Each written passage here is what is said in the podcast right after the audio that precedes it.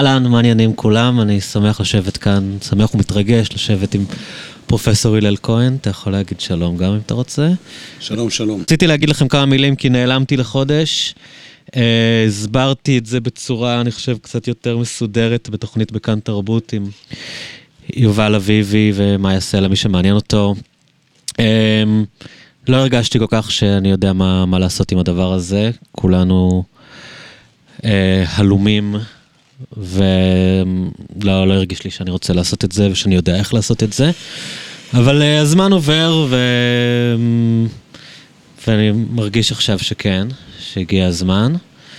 אה, אני כן רוצה מראש, אני יודע שאלה ימים אה, קשים לכולם, אבל יש כאלה שבמיוחד.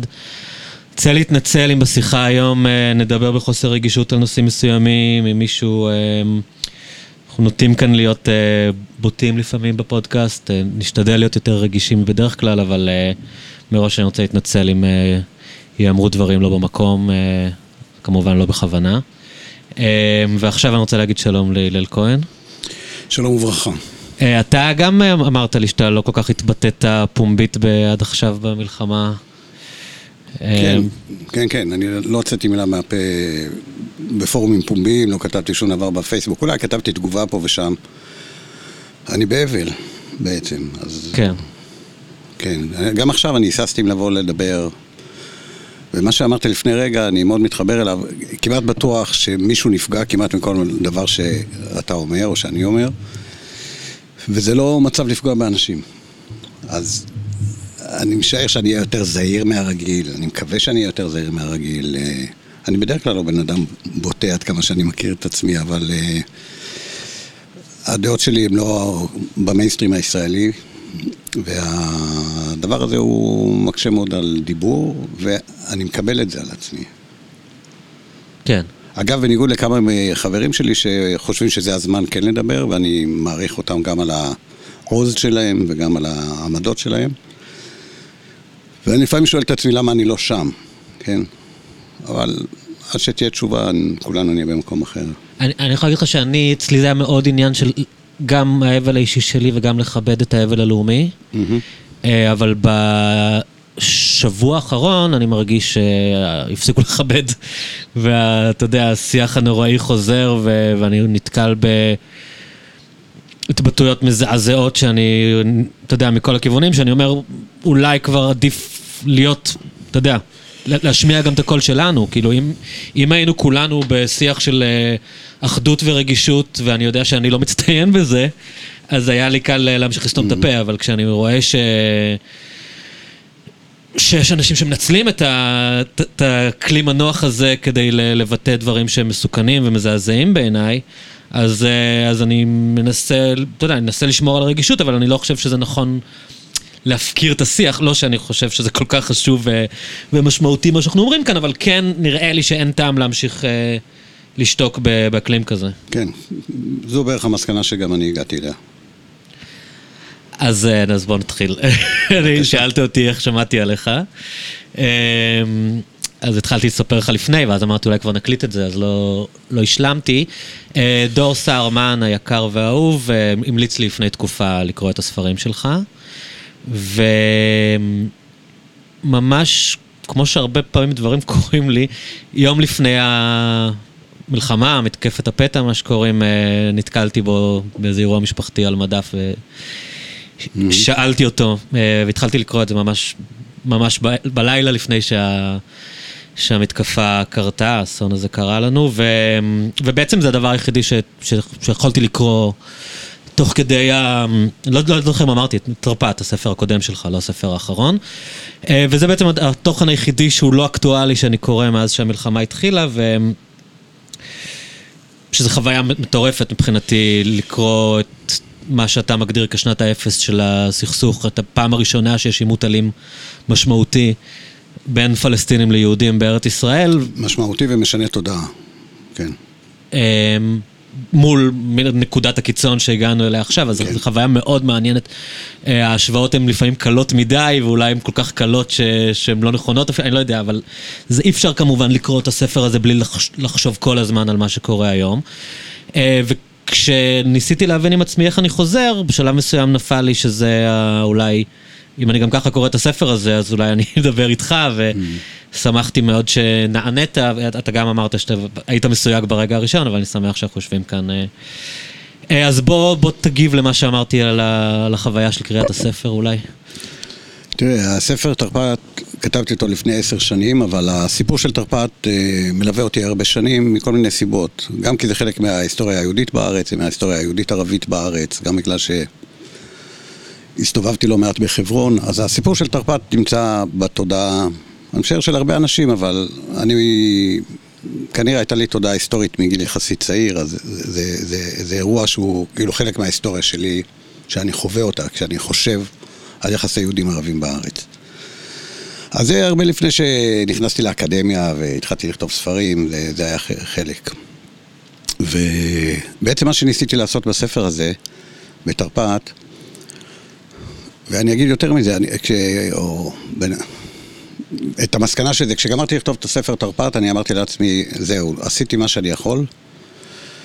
אה, תרמתי למה שקוראים במרכאות ארון הספרים היהודי-ישראלי את מה שאני יודע, את התובנות שיש לי, את הראייה שלי, וכל הרוצה לקרוא, ייטול ויקרא. ואני חשבתי ש, שזה יכול להיות תרומה לכל מיני דברים. הספר גם תורגם לערבית, ובמובן הזה זה היה הספר הראשון שיש בו תיאור מפורט של מעשי הטבח ביהודים, שפורסם בערבית ברמאללה, בהוצאת אה. ספרים ברמאללה. כך שגם קוראים ערבים יכולים להבין באמצעותו איך יהודים חוו את אה, שנות ה-20 בכלל, את העלייה הציונית בכלל, ואת המאורעות ומעשי הטבח בפרט. וזה נובע מתוך איזו תפיסה אה, בסיסית שלי, תמימה. תמימה זה לא אומר שהיא לא נכונה, אבל זה אומר שהיא תמימה. שבעצם השלב הראשון בשביל להתחיל לדבר על הסדרים ועל פיוס, זה שאנשים יבינו איך אנשים אחרים חווים את המציאות.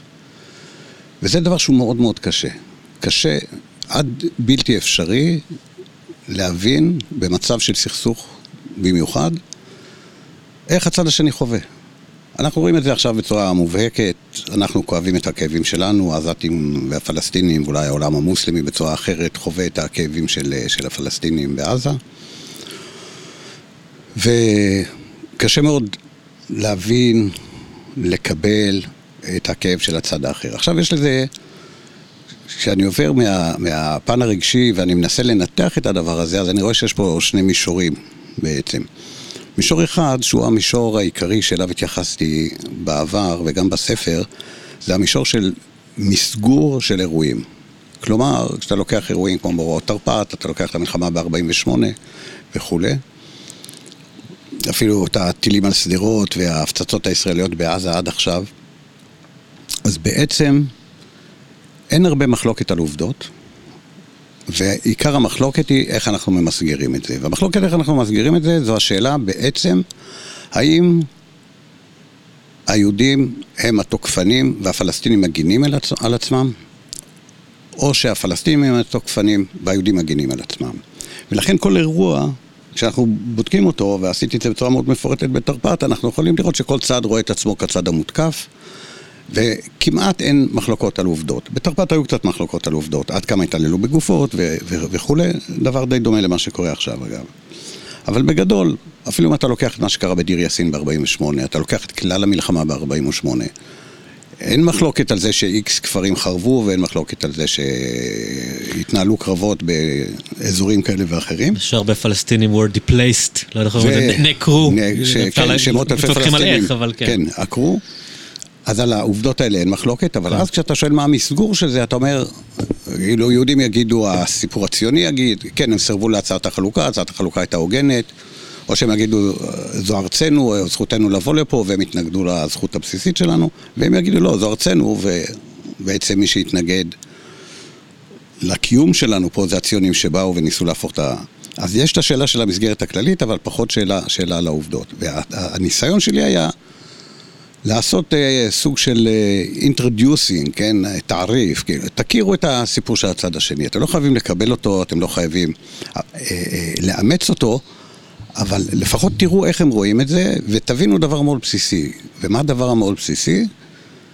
שמה שמניע את הציונים ומה שמניע את הפלסטינים זה לא רוע, אלא מה שמניע אותם זה התחושה שלהם לצדק ולחירות, הרצון שלהם להגיע למצב של חיים ב... כבני חורין. אתה מבין שכשאנחנו אומרים את המשפט הזה היום, אחרי המראות של ה-7 באוקטובר, אנשים כאילו אומרים, את זה יכולתי להבין לפני, אבל אחרי שראיתי את מה שקרה עכשיו, אה, אני, הרבה אנשים חוו את זה כמין שינוי תודעתי.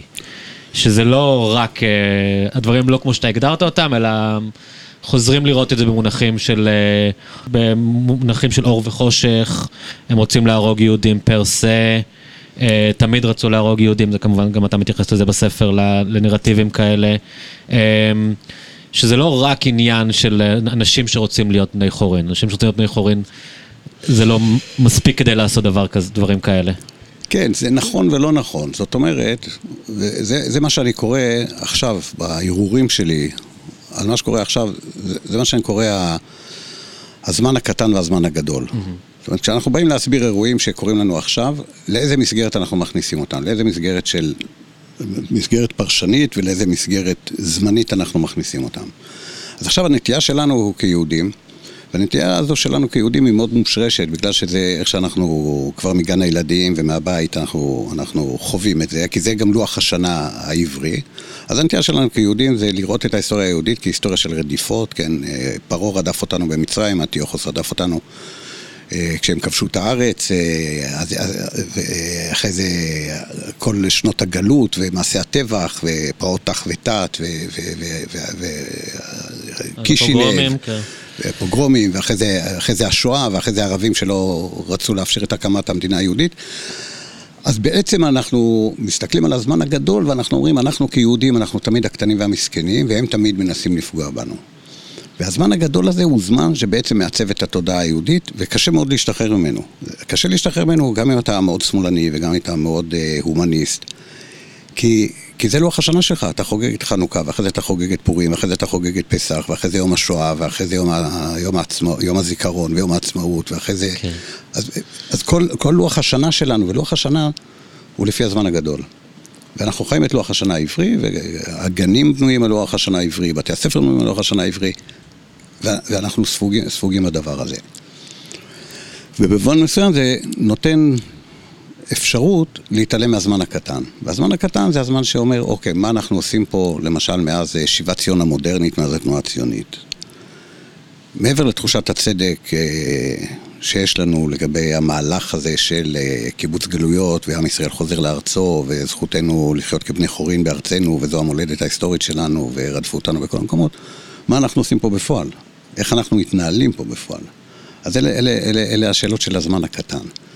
אז כשאנחנו מדברים על חמאס, אז אפשר, כאילו, זה משהו שכאילו היום קשה מאוד לתפוס אותו, אבל מהקמת החמאס ב-1987 ועד 1994, לחמאס היה עיקרון לא לפגוע באזרחים.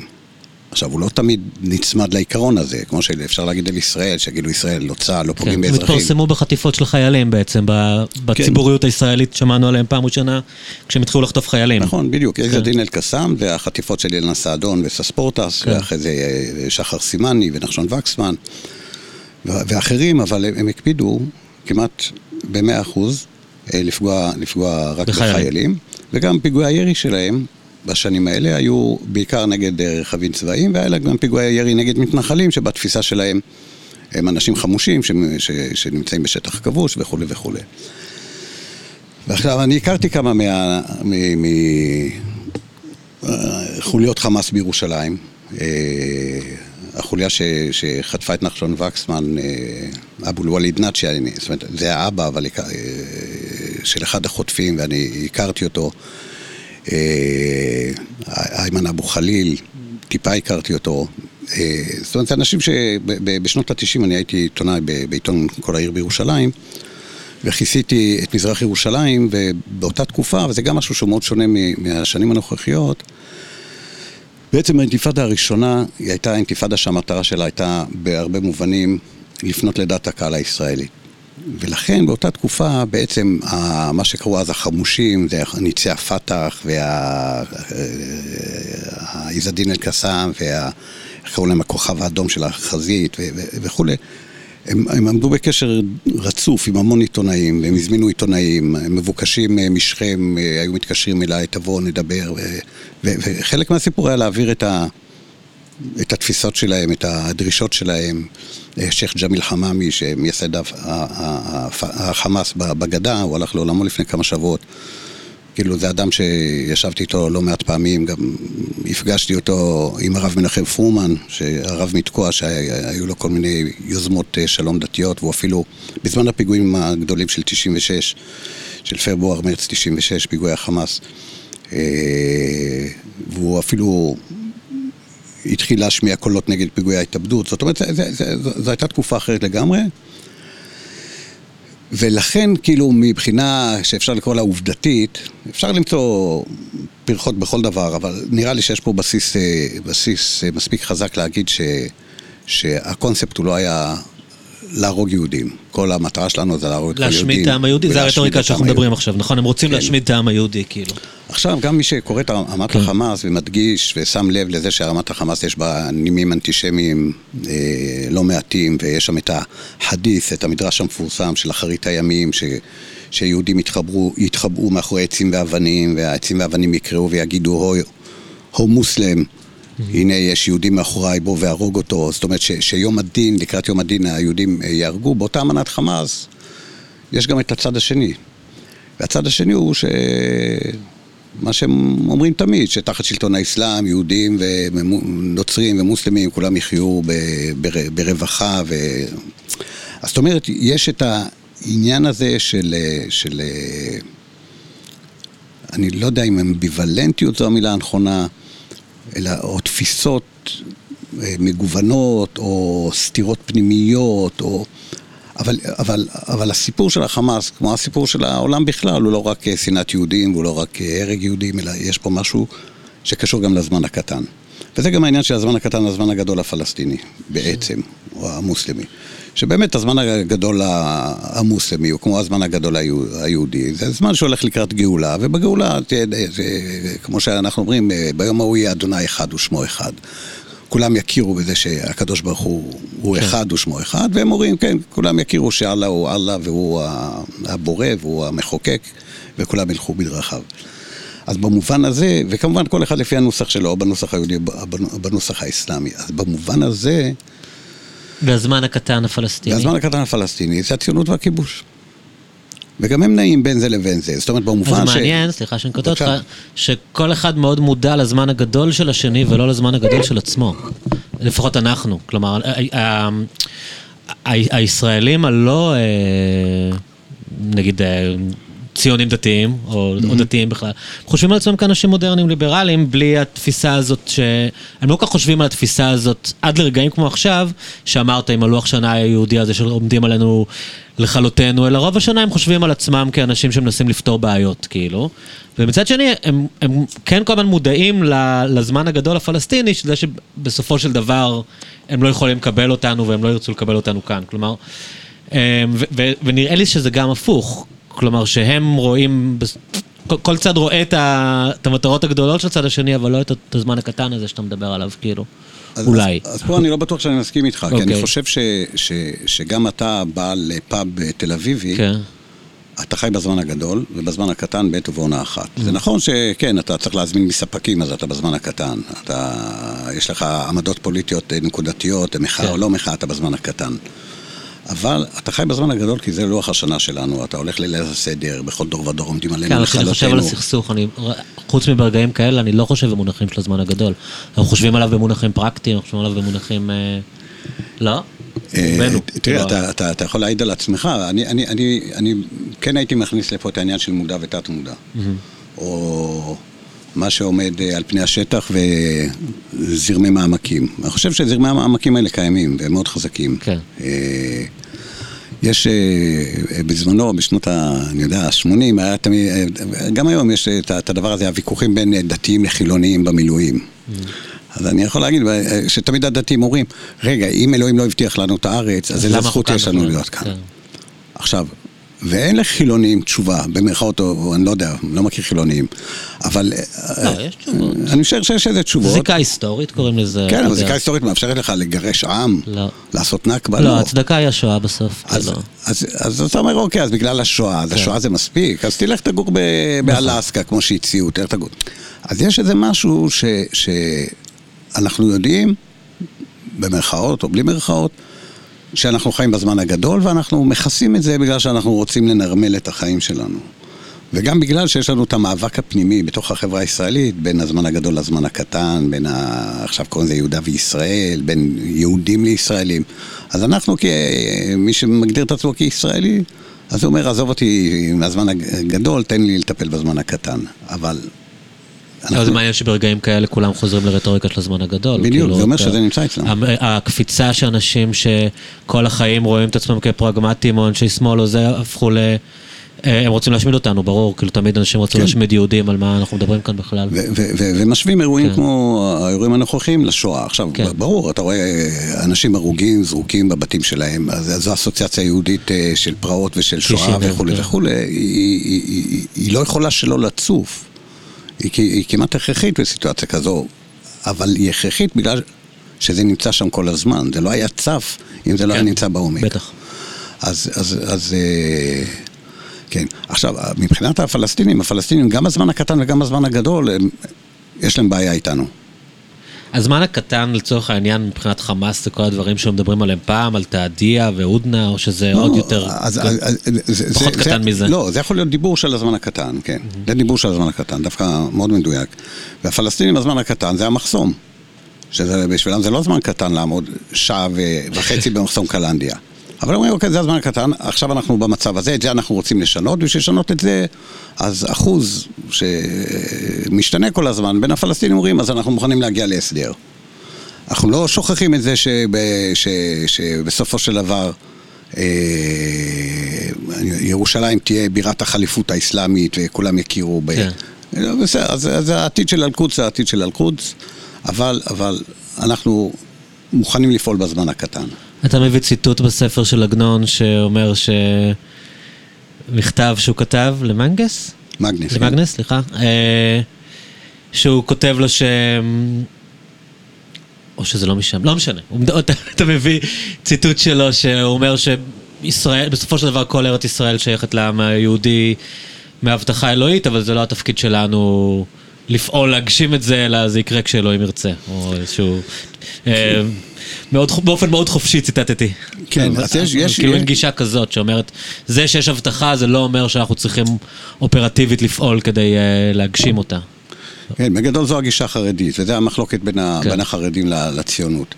אז החרדים שחיים בזמן הגדול, הם אומרים, הזמן הגדול הוא, הוא הדבר שקובע, והזמן הגדול הוא לא בידיים שלנו, הזמן הגדול הוא בידי הקדוש ברוך הוא, משיח צדקנו יבוא במהרה בימינו ויגאל אותנו, תלוי בקיום מצוות או לא תלוי בקיום מצוות, אה, בעיטה, חישנה, כל הדיונים הפנים, הפנים אה, יהודיים. והם חיים בדבר הזה. הציונות באה ולפעול בזמן הקטן. הזמן הקטן זה הזמן הפוליטי. אנחנו צריכים לעשות שינוי פוליטי בשביל להגיע למצב של ריבונות ובשביל למנוע המשך שפיכות דמים של יהודים ולהשתלב באומות, להיות אומה מהאומות. ופה כאילו הציונות הדתית היא נעה על שני, שניהם, זאת אומרת היא לוקחת את הזמן הקטן ומשתלטת עליו ומנסה לפעול בתוכו, למשל על ידי הקמת התנחלויות, על ידי אה, מה שעושים עכשיו, אה, גירוש רועים, אה, התנכלויות בכפרים, ירי, כן. ירי וכולי וכולי, בזמן הקטן, אבל הם פועלים בזמן הקטן מתוך התודעה של הזמן הגדול, בשביל לקרב את הזמן הגדול. כמובן שמי שבענייני הר הבית ואל-אקצא, שם זה... שם זה מאוד בולט, כאילו העלייה לה, ההולכת ומתמשכת וגוברת של יהודים, של יהודים אה, להר, להר הבית, שהם עושים את זה עכשיו, כאן ועכשיו, ועושים את זה עם הודעות וואטסאפ, שזה כאילו הכי הזמן הקטן, אבל הם עושים את זה מתוך ראייה של הזמן הגדול, ובשביל לשנות את התמונה הגדולה.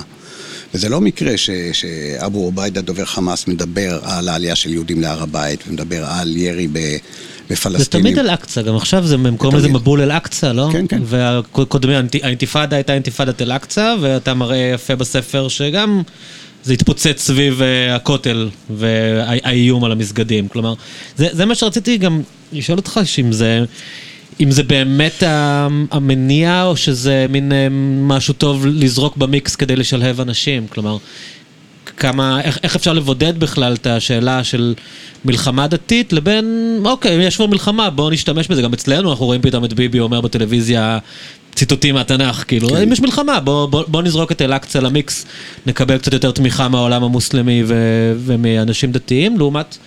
אוקיי, אנחנו באמת חושבים שאל-אקצא בסכנה, בגלל זה אנחנו נלחמים. כן, אז אני, אם, אם אני אחשוב איתך בקול ונשתמש בקונספט של הזמן הגדול והזמן הקטן, גם בשביל להבין את זה, אז בעצם כשאומרים אל-אקצא זה אומר, אל תשכחו את הזמן הגדול. זאת אומרת, יש לנו מלא תקריות, יש, יש בחווארה ויש במסאפר יאטה ויש בשכם ויש בג'נין, אבל זה, זה, זה כאילו הזמן הקטן. אבל בשביל להתאחד, אנחנו צריכים לא לשכוח את הזמן הגדול. והזמן הגדול זה, זה בעצם המאבק, איזו דת היא דת האמת. אה, איזה בן הוא הבן האהוב, ישמעאל כן. או יצחק. ואנחנו במלחמות תמיד ישר אומרים, עם הנצח לא מפחד מדרך ארוכה, זה כאילו מין... כן, כן. אז בשביל גם, זה, זה גם כוח גיוס וגם נותן משמעות הרבה יותר עמוקה לדבר הזה, של, של, של על מה אנחנו נלחמים עכשיו. אנחנו לא נלחמים רק... כן, כל הזמן עיריית ירושלים, משרד הפנים הורסים בתים ממזרח ירושלים, אף אחד לא יקום. אבל אם, אם, אם אתה תגיד עכשיו, אל-אקצא, כן, זה, זה, זה אנשים יקומו בשביל זה, כי הם לא מוכנים להתנתק מ, מ, מ, מהשורשים, ההבנה שלהם את העבר והתפיסה שלהם לגבי העתיד. ואז בוא, בוא נחזור רגע להתחלה, כאילו, של ה... באמת לאזורים האלה של תרפ"ט. שם, אם אנחנו מסתכלים על הסכסוך ה... על יריית הפתיחה, אני חושב שגם גם ב-2021 זה היה סביב אה, נושאים דתיים, לא? אבל אולי שם בכלל לא? ב-20 יותר, ב-21 פחות. אוקיי, אבל בואו נשאר רגע על 29 הזה. אמ, למי שלא מכיר או לא קרא את הספר, היה... מין מצעד דגלים כזה, זה, זה, הד, כן. הדמיון הוא, הוא מטורף, כאילו, אם אנחנו מסתכל על האירועים הקודמים של האינתיפאדה, של mm-hmm. שומר חומות. כן. Uh, מצעד דגלים בכותל, שמשם הדברים מאוד חלוקים, כמה הסתה הייתה, מי הסית, אתה מנסה uh, בצורה מרתקת להראות את כל האפשרויות, מין רשומונים כאלה של את הדברים, אבל, אבל שם הטריגר היה אמ, העניין הזה של, ה, של הדת. ו, ו, ואז באמת נשאלות השאלות הגדולות, כאילו, של כמה זה סכסוך לאומי לעומת כמה זה סכסוך דתי. אה, כשאנחנו כישראלים כל הזמן מבולבלים, כי אנחנו נלחמנו עם פת"ח שהציג את עצמו כארגון לאומי.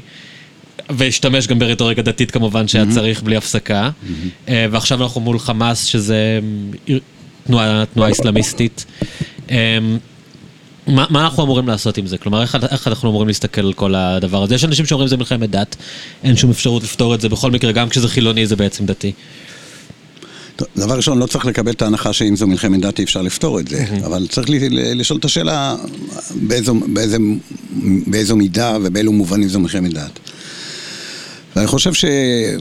מה שדי ברור לעין זה שגם התנועה הלאומית היהודית, כלומר התנועה הציונית וגם התנועה הלאומית הפלסטינית, הן תנועות שמשלבות דת ולאומיות. זאת אומרת, אתה לא יכול להפריד בין דת ולאום בתנועה הציונית, כי בעצם ההשתייכות שלך ללאומיות היא על בסיס דתי. זה לא על בסיס של קיום מצוות, אבל על בסיס של, של השתייכות דתית. לכן התנועה הציונית בהגדרה היא תנועה אקסקלוסיבית של דת, של עם דת. וזה גם, כי העם היהודי הוא טיפוס אה, משונה מהבחינה הזו בין העמים, כי הוא שריד של תקופות קדומות של לאומיות היו, אחרת, כאילו. כן, של, של דתות שבטיות ושבטים דתיים, כן, אז היה פה את אה, מואב עם כמוש, והיה פה את אה, עמון, והיה פה את כנען עם אשתורת, והיהודים עם... מה השם שלו אומרים? עם השם שלו אומרים? כן. יש אומרים? עם השם. כן, וכל העמים האלה נעלמו מהעולם, והדת השבטית, היהודית, נותרה. והדתות שבאו בעקבותיה במובן מסוים, אני אומר במובן מסוים כי זה יותר מורכב, אבל הנצרות והאסלאם, כוונתי, אז אלה דתות ש... אוניברסליות. הגדירו את עצמם כאוניברסליות ואת השליחות שלהם כשליחות אוניברסלית. אז אנחנו נתקענו בתור אה, דת לאום. זה מעניין, לא חשבתי על זה שאנחנו בעצם לאום, לפי הגדרות של לאום מתקופה, אה, מהתקופה, כאילו, כן. פרה-קלאסית. כן, מעידן הברונזה, או מעידן מה שתרצה. הברונזה התיכונה, כן. אני יודע ממתי, כן, כן. ואנחנו... שאתה מתפקד בתוך המערכת בתור לאום, שכל ההגדרות הלאומיות שלו הם, הם לא בסנכרון עם הלאומים האחרים. כן, כן. זה נורא קשה, אתה יודע שאני פעם ניסיתי להסביר את זה לבן אדם שהיה אמ, דוקטור למדעי המדינה, צעיר, אירי, והוא פשוט, זה לא, הוא אמר לי, אבל אני לא מבין, את- את- אתם דת, כאילו ממש כל העניין הזה שזה דת וזה לאום, זה בלבל אותו לגמרי, בן אדם כאילו. שסיים, נכון, אז לכן, זה נורא עוזר המבט ההיסטורי אחורה, שאתה מבין כן. שזה שריד לסוג אה, לאומים שהיו קיימים פעם. כן. וכל כל האחרים נעלמו. luck או luck, אנחנו שרדנו בעזרת השם או מסיבות אחרות, ואז אנחנו נושאים איתנו איזה סוג של לאומיות שהוא זר לעולם. אז זה, זה, יכול להיות שיש דוגמאות שאני לא מכיר, נוספות דומות אה, במזרח או משהו. ומצד שני הם כאילו הלאום הכי חדש, או אחד החדשים בעולם. הלאום, אתה מתכוון לפלסטינים. לפחות איך שאנחנו רואים אותם, כן. מגדירים אותם כלאום שנגיד סוף המאה ה-19, מי, מי שמגדיר אותם כן. כעם בכלל, כי יש כן. כאלה ששוללים את ה... את, אה, עדיין. כן, כן, וזה נהיה נפוץ יותר ויותר אפילו. ושם זה, זה, זה יותר מעניין, כי הלאומיות הערבית התחילה בצורה הפוכה. הלאומיות הערבית התחילה כלאומיות שמפרידה דת ומדינה. והלאומיות הערבית, הכוונה ללאומיות הערבית המוקדמת בסוף האימפריה העות'מאנית, לפני החלוקה לסוריה, פלסטין, כן. ירדן, אה, עיראק, כווית, אלא לאומיות ערבית, והיא אה, התחילו בתוכה הנוצרים הערבים. בעצם. נוצרים ויהודים ומוסלמים. ויהודים- בשלב הזה היהודים נחשבים ערבים לכל דבר היהודים מבחינתם. שחיו בארצות ערב מוזמנים להשתתף, אה, להשתתף בתנועה הלאומית הערבית. והיו דמויות כאלה, אתה מתאר אחד מהם, כן. שהוא יהודי שהיה פשוט חלק מהתנועה. כן, בתנועה הלאומית. מחשבה שאף פעם לא עברה לי בראש, שהיו יהודים שהיו חלק מהתנועה הערבית, תנועת כן, הלאומית הערבית. ב- בכמה ארצות, גם בצפון אפריקה וגם בעיראק? וגם במצרים ובסוריה בתקופה המוקדמת, אז היהודים השתלבו במידה כזו או אחרת. עכשיו, זה לא אומר שכל היהודים ראו... ברור. אבל היהודים היו, ובעצם מה שקרה קרה זה שהיהודים בארצות ערב הוזמנו במרכאות להצטרף לשתי התנועות הלאומיות. הציונים אמרו אתם חלק מאיתנו, הערבים אמרו אתם חלק מאיתנו, וזה יצר את הקונפליקט הגדול של נאמנות אצלם, ו... והביא לרדיפות, כי חלק נטו לציונות. וגם בלי קשר לזה, בתוך התנועה הלאומית הערבית היו גם אה, זרמים שהיו יותר דתיים ובעצם ראו באסלאם את המקור ללאומיות אה, נכונה ו- ו- ושלמה. אז בעצם, אבל, אבל, אבל מה שאני אומר זה שדווקא הלאומיות הערבית בהתחלה הייתה יותר מכילה והלאומיות היהודית בהגדרה היא פחות מכילה. אה, כשאנחנו מדברים על ה... להכיל בני דתות אחרות. עכשיו, מה, ש, מה שקורה בשנות ה-20 זה שהחלוקה של המזרח התיכון והקביעה של הגבולות של פלסטין, כן, אה, עבר הירדן הופכת להיות אה, ירדן, עבר הירדן ואז ירדן, ונקבע הגבול מול נקבע על ידי לבנון, הצרפתים והבריטים. על ידי הצרפתים והבריטים, כן. ו- ו- ויש את ה... נוצרת היחידה הזו שנקראת אה, פלסטין, והיחידה הזו שנקראת פלסטין, בעצם הערבים בתנועה הלאומית, מי שעומד בראש התנועה הלאומית, משפחת חוסייני ואחרים, גם הם בהתחלה קוראים ליהודים להצטרף לתנועה הלאומית הערבית הפלסטינית. ויש איזה תיאור של אה, ג'מאל חוסייני, שהוא היה מבכירי קרוב משפחה של המופתי ומבכירי התנועה הלאומית המקומית. אה, שמגיע לבתי הכנסת בעיר העתיקה, והוא קורא ליהודים להצטרף אליו בהתנגדות להצהרת בלפור. הוא אומר, אנחנו האנשים המקומיים, אנחנו תושבי המקום, היהודים המהגרים הם לא שייכים לפה, אבל אנחנו כולנו אה, שותפים בבניין המולדת. והייתה איזושהי היענות לקריאה שלו? הייתה היענות אה. קטנטנה. היו כמה אנשים שתרמו כסף למשלחת שיצאה ללונדון. שזה גם אינדיקציה כמה הזהות היהודית חזקה בעצם, לא? שאתה אומר, מה, איך, איך אני יותר קשור לרוסי, שאני לא מבין איך הוא מדבר, כן. הוא לא נראה כמוני, נכון.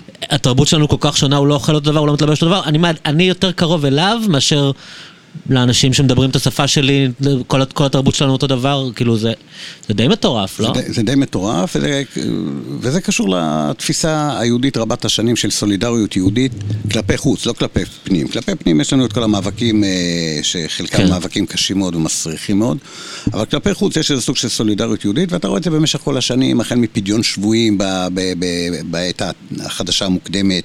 עם, אה, עם האיטלקים יש להם שבויים יהודים, עם העות'מאנים יש להם שבויים יהודים, עם בכרתים יש שבויים יהודים, אז הקהילות היהודיות פודות אותם פוד- בכסף. פודות אותם. אה, זה בא לידי ביטוי כשיש את הפרעות בקישינב, אז בכל העולם, אה, גם בצפון אפריקה ובעיראק, בכל העולם היהודי אוספים כסף לטובת, בחברון או במקומות אחרים, לטובת יהודי קישינב. זה, זה- כאילו העניין הזה של סולידריות יהודית הוא מאוד חזק, וגם בגלל שאנחנו מדברים על הארץ, אז בעצם יש פה, יש כל הזמן עלייה יהודית לארץ, ויש פה קהילות גם אשכנזיות וגם ספרדיות וגם... אה, אולי גם הייתה להם הזדמנות אינטרסנטית, לא? אם נסתכל רגע בצורה פחות... אז, אז, אז זה כאילו, תלוי מתי. עכשיו יש כאן אנשים חדשים עם כסף, מפתחים, יכולים להשתלב איתם. join the winning team, כמו שקוראים, כאילו... אחרי הצהרת בלפור זה המשחק. כן. אחרי הצהרת בלפור זה המשחק, ברור, אה, הבריטים תומכים בתנועה הציונית, אז כדאי ללכת עם התנועה הציונית. לפני הצהרת בלפור, בספר החדש שלי, בשונאים סיפור אהבה, אני מתחיל אותו עם סיפור מ-1908, שבו עולים מרוסיה, אנשי העלייה השנייה, מתכתשים עם ערבים ביפו, וספרדים אומרים, יאללה, תעיפו כבר את הרוסים האלה, יותר נוח לנו לחיות עם ערבים. כן. אנחנו חיים איתם בשלום, היחסים סבבה. המוסקובים, כמו שקוראים להם, אנשי העלייה השנייה, מביאים לנו רק צרות. אז, אז, אז, אז בשלב מסוים יש איזה סוג של דילמה או מתח, כי, כי, אבל למה מתח? כי מצד אחד הם קרובים תרבותית לערבים שחיים פה, אבל מצד שני, הם יודעים שהם מיעוט. והם יודעים שלמוסלמים יש את הזמן הגדול, והמוסלמים יודעים שלהם יש את הזמן הגדול. כלומר, הם, הם, ב- הם על תנאי, הם שותפים על תנאי. הם שותפים על תנאי, והם גם רואים את המוסלמים כנמצאים פה על תנאי, כי, כי לא משנה, אתה גם כקהילת מיעוט, אה, אני יודע, אבא שלי מאפגניסטן, כן, אה, או פה בירושלים, או לא משנה איפה. אתה ב, ביום שישי, אתה הולך למקווה, או שאתה סתם הולך להתרחץ, ואתה מגיע לבית כנסת, ואתה מתחיל לשיר לך דודי, ואתה... כל, ה, כל, ה, כל המהות שלך באותה שעה זה הגאולה וזה שהיהודים יחזרו לארץ ישראל וייבנה בית המקדש ואנחנו נשלוט על הארץ. זאת אומרת, הם נמצאים, היהודים במובן מסוים, לא במובן הפוליטי, אבל במובן של, שוב, הזמן הגדול הם גיס חמישי בארץ ישראל. אה, המוסלמים מקבלים אותם אחרי גירוש ספרד, אה, האימפריה העות'מאנית מקבלת יהודים. אה, הקהילה הגדולה בצפת, כן, שלך דודי נכתב, כן, על ידי רבי שלמה אלקבץ בצפת, אה, של מגורשי ספרד, השולחן ערוך ובית יוסף של מרן יוסף קארו, אה, קבלת הארי, כל הדברים האלה נכתבים בארץ ישראל תחת שלטון האסלאם. זאת אומרת, המוסלמים מקבלים אותם, אבל הם מקבלים אותם כקהיל- כקהילות מיעוט ש, שכפופות לחוקי הזימה ולעיקרון של, אה, של, שהם חייבים לקבל את העליונות האסלאמית. אז הם מקבלים את העליונות האסלאמית בחיי היום-יום, אבל כמו שאמרתי, בליל שבת, ובעצם זה לא רק בליל שבת, כי שלוש פעמים ביום הם מתפללים ותחזינה עינינו בשובך לציון ברחמים, והם יודעים שזה שלב בדרך לגאולה. כן. מה, ש, מה שמעניין, אה, לא- זה לא בדיוק יושב על הזמן הקטן והזמן הגדול, אבל זה כן קשור לנושא הזה של פרספקטיבה היסטורית, זה כמה אה, רווח אצלנו התפיסה הזאת של אי אפשר לדבר איתם, הם אסלאמיסטים. זה, זה, זה כמעט בונטון ישראלי, או שאני לא חווה דעתי אם הוא מוצדק או לא, אבל... אה, כשאם את, אתה באמת יש לך תפיסה היסטורית, אז אתה רואה שהיה היה בלתי אפשרי תחת הנצרות, כלומר הפוגרומים הגדולים, הרדיפות, הרדיפות במסעות הצלב, עד, עד השואה, כאילו עד לא מזמן, ו, ובאמת ה- היהודים חיו ברווחה יחסית, או בדרך כלל, על דרך כלל יותר טוב תחת, אה, תחת אה, שלטון אסלאמי. אמ, אבל, אבל היום בתודעה הישראלית זה כל כך עמוק, כאילו זה מין... אמ, כאילו זה דרך הטבע כזה, אתה יודע, כאילו, כאילו יש כאן איזה משהו בלתי פתיר בכלל, מעצם העובדה שהם מוסלמים. כן, אבל פה, פה נכנסת התיאולוגיה הפוליטית, נקרא לזה. התיאולוגיה הפוליטית זה מבחינת ההלכה המוסלמית, שכאשר יהודים הם מיעוט, ומקבלים את הכלל הזה שאמרתי מקודם, הכללים של הזימה, של עליונות האסלאם, וש... צריכים לשלם את המיסים ש... צריכים לשלם מיסים מיוחדים, רשמית אסור להם לרכב על סוס, לא שכפו את זה כל הזמן, אסור להם לבנות בתי כנסת חדשים, שוב, גם את זה לא כל הזמן כפו, אבל... אבל כל עוד הם מקבלים את העיקרון הזה, אז יש חובה על השליטים להגן עליהם. אבל ברגע שהם מורדים במלכות, כלומר, דורשים ריבונות בארץ אסלאמית, אז כמובן שהם הופכים... אז אתה אומר, מפוינט אוף ויו דתי זה הגיוני לחשוב ככה, שזה בלתי פתיר כאילו.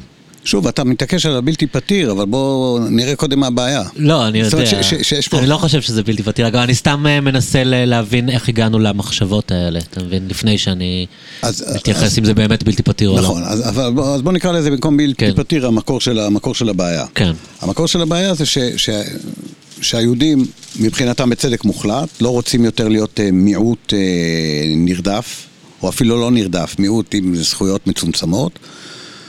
והם רוצים אה, מדינה ריבונית משלהם, והם רוצים לעשות את זה בארץ אבותיהם, ולכן הם באים לפה כבר לא כמו פליטים אחרי גירוש ספרד, ולא כמו יהודים שבאים לחיות פה מעיראק או מצפון אפריקה, גלי הגירה של, של אה, הקדם ציונים, כן, של 1830-1840, הם באים לפה בשביל להפוך את הארץ ליהודית. אז בזה בעצם הם מכריזים מלחמה לאסלאם, ולכן מבחינת הפלסטינים הם תמיד בהגנה עצמית ואנחנו התוקפנים. זאת אומרת, זה, זה בעצם העניין. אז גם מבחינת... מעצם פול... זה שאנחנו רוצים להיות רוב פה? רוצים רוב ורוצים ריבונות. כן. אז, אז במובן הזה, הם אומרים, היהודים הכריזו מלחמה לאסלאם, התנועה הציונית הכריזה מלחמה לאסלאם. כי הם ואנחנו... מפרים את, את המצב הטבעי של הדברים, שזה מרחב אסלאמי, שהם אמורים להיות מיעוט פה שמקבל את החוקים. כן, כאילו. אנחנו שולטים פה והם רוצים ל- לקחת לנו את הארץ. כן. ואנחנו חיים פה, אנחנו הרוב פה. והם רוצים אה, להפוך לרוב, להפוך אותנו למיעוט או לגרש אותנו. ולא, ולא יכול להיות מה שעגנון, אתה מצטט, מתייחס לזה כמין גטו, רצועה מסוימת שבה זה לא חל? ב- לפי ה... לא, ה- לא, ה- בתפיסה האסלאמית הקלאסית, ארץ אסלאמית אתה לא יכול לוותר עליה לטובת מישהו. גם לא על רחוב, כאילו. לכאורה גם לא על רחוב. עכשיו זה לא, מכיוון שאף פעם לא הולכים לפי הקלאסה, אלא העולם הוא עולם של הזמן הגדול והזמן הקטן, אז הסדרים זה דבר שהוא אפשרי. למשל, אתה הזכרת מקודם את העיקרון של ההודנה, כן? העיקרון של ההודנה שמקבלת את זה ש... מדינת ישראל תתקיים מגבולות 67. אז זה לא מתאים לזמן הגדול, אבל זה מתאים לפוליטיקה. אז אפשר לעשות את הדברים האלה. יש מכניזמים דתיים. זה כמו המכניזם, אתה הזכרת את עגנון, או התפיסה החרדית הקלאסית, ש... נגיד לגבי, לגבי בית המקדש, המחלוקת בין החרדים לבין הציונות הדתית מהזרם המקדשיסטי, ש... כן, ברור שיהיה בית המקדש, הקדוש ברוך הוא יוריד אותו באש מהשמיים. אנחנו לא צריכים לעשות כלום בשביל זה. כמובן, צריך לשמור שבת, צריך לקיים מצוות, אבל אנחנו לא צריכים להתחיל לרמוס ברגלינו את, אה, את הר בית השם. כן? מי ביקש זאת מידכם רמוס חצריי? אף אחד לא ביקש. לא צריך את זה, הקדוש ברוך הוא לא צריך את זה, אף אחד לא צריך את זה. ובעיניים חרדיות זה נתפס פוליטיקה לאומנית ולא התקרבות לאל. גם בעיניי.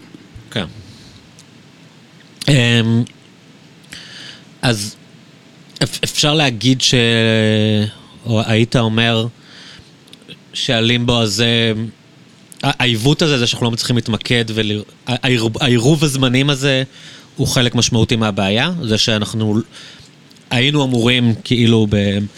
אם היינו מנסים לפתור את הסכסוך, אה, שני הצדדים, אה, היא להמשיך לראות את הדברים דרך הזמן הקטן, להניח לזמן הגדול, אז הגשרים היו יכולים להיבנות, אבל אנחנו לא מצליחים לעשות את ההפרדה הזאת? כן, זה, זה, זה, זה, זו, זו אחת הטענות, זה אחד הדברים שאפשר לראות, וזה אגב גם מה ש... שוב, אני מזכיר את השם של הרב מנחם פרומן מתקוע, שהוא מתנחל ואיש גוש אמונים וכולי, והוא התעקש להיפגש עם אנשי חמאס, הוא עשה את זה לא מעט. וזה, וזה מה שהוא אמר, זה היה המסר שלו. הוא אומר, באחרית הימים אלוהים יחליט של מי הארץ. אבל בואו עכשיו לא נהרוג אחד את השני. ובואו נראה איך אנחנו יכולים לחיות. צורה כזו של ריבונות, צורה אחרת של ריבונות, אה, בוודאי לא להתעלל אה, ולא לפגוע אחד בשני. ויש דברים שלא הדור שלנו צריך לפתור. אז זה מחזיר אותי קצת לנסות להבין את החמאס, כי התפיסה היום של שלנו את החמאס, שלנו אני מתכוון באמת, אפשר להגיד אפילו הקולקטיב הישראלי, זה להגיד הם רואים את הדברים במונחים של הזמן הגדול, אמ, זה חסר טעם. אין, אין טעם, כאילו אנשים... זה, אז אני, אני מנסה להבין אותך בתור בן אדם ששנים מכיר את חמאס לפני שמישהו בארץ ידע מה זה בכלל ומבין את זה לעומק וקורא ועוקב. הם באמת רואים את הדברים במונחים האלה של הזמן הגדול, או שיש שם בכלל משהו אחר? כלומר, יש, יש זמן קטן היום בחמאס, יש... ב... היום, זה... אתה, היום אתה מתכוון ל-30 באוקטובר? לא, אני מתכוון ב- בעשור הנוכחי, בימינו. Okay. אחרי המלחמה, מתישהו, כאילו זה... כי זו שאלה מאוד חשובה, אני חושב. אה, אני אענה עליה ברשותך בסיבוב. כן. והסיבוב הזה הוא נוגע בעוד נקודה מרכזית כמובן בהיסטוריה הישראלית-פלסטינית, וזה הנכבה של 1948. כשהשאלה שעולה שם בוויכוח בין אה, חוקרים, אה, פובליציסטים, לא משנה מי, אה, ציונים, לבין אה, תפיסה פלסטינית, כשהתפיסה הפלסטינית אומרת שהנכבה הייתה דבר מתוכנן, ולא דבר מתוכנן רק במובן שתוכנית ד' של ההגנה מעשרה במרץ 48' אה, תכננו לכבוש אזורים כאלה ואחרים, אלא שבעצם מראשית הציונות זה היה הדבר שבהכרח התנועה הציונית שאפה אליו והפעילות הציונות מובילה אליו. זו הטענה הפלסטינית. הטענה הציונית אומרת משהו אחר לגמרי, הטענה הציונית אומרת אנחנו באנו לחיות פה בשלום עם הערבים, לא היה לנו שום דבר, אם הם לא היו פוגעים בנו, אנחנו לא היינו פוגעים בהם. אנחנו הסכמנו לחלוקת הארץ, הם לא הסכימו לחלוקת הארץ. עכשיו, זו לא שאלה שאפשר לענות עליה במובן הזה שאין לנו קבוצת ביקורת. כן. נכון, אנחנו בודקים... אה, לא יודעים מה היה קורה אם הם מסכימים לתוכנית. למשל, כן. כן.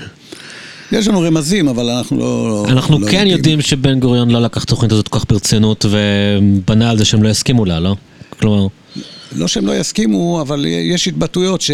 שזה צעד שהוא נכון לדור שלנו, כן. והדור הבא יוכל... הוא לא חשב שאלה יהיו גבולות הקבע של המדינה, כנראה. לא, לא, הוא ולא גלילי ולא אחרים. כן. לפחות לא גבולות ההתיישבות, גם זה משהו מעניין, כי מדברים על גבולות ההתיישבות שיכולים להיות אה, יותר mm. רחבים. אה, תחת איזושהי ריבונות כאילו לא ערבית, אבל יהיו שם כן. יהודים? משהו, כן, כל, כל מיני מחשבות כאלה עלו. אבל מה שאני אומר זה דבר כזה, אני בעניין הזה, אני נוטה לקבל במובן מסוים, לא מוחלט, את, ה, את הפרשנות הציונית. כלומר, שהציונים שהגיעו לפה, ברור שחלק מהם העדיפו שלא יהיו ערבים בכלל, וחלק אה, מסוים אה, רצה לטרנספר אותם ולגרש אותם וכולי וכולי. אבל היה זרם אה, חשוב בתנועה הציונית, שאמר, אנחנו פה, יש פה שני עמים, אנחנו צריכים למצוא דרך להסתדר כשני עמים. ובמובן הזה, אם אנחנו ניקח, אה, ניקח למשל כנקודת זמן את, את אפריל 1948, מרץ-אפריל 1948, כשהשיירות היהודיות, השיירות של ההגנה והפלמ"ח בדרך לירושלים נחסמות בבאבל וואד, יורים עליהם, פוגעים בהם וכולי וכולי. ואותו דבר שיירות בגליל ושיירות בנגב ושיירות לכפר עציון. עכשיו, כאשר התרבו המתקפות על השיירות בבאבל וואד, אז אה, אה, גדוד הפורצים של הפלמ"ח ואחרים, הם זועקים למפקדות הדרך שאנחנו נוקטים של שיירות ומשוריינים שמגינים על השיירות היא לא הדרך הנכונה. אם אנחנו רוצים להגן על השיירות, אנחנו חייבים לתפוס את הרכסים. את הרכסים שמשני הצדדים. למחוק את חווארה. למחוק את חווארה. כן. ואז בעצם מתבשלת התוכנית, שהיא התוכנית של, של כיבוש, כיבוש הרכסים האלה, זה, זה כאילו בסול, הוא נכבש אחר כך, אבל בעצם האזור של בית מחסיר והקסטל ו, ו, וליפתא, הכפרים שבדרך, שבדרך לירושלים. אה, סריס, כן, כל, כל, כל הציר הזה משני הצדדים. עכשיו, אם לא היו תוקפים את השיירות, האם אה, הפלמ"ח היה כובש את הכפרים האלה ומגרש את האנשים שלהם? הטענה שלי שיש סיכוי סביר שלא.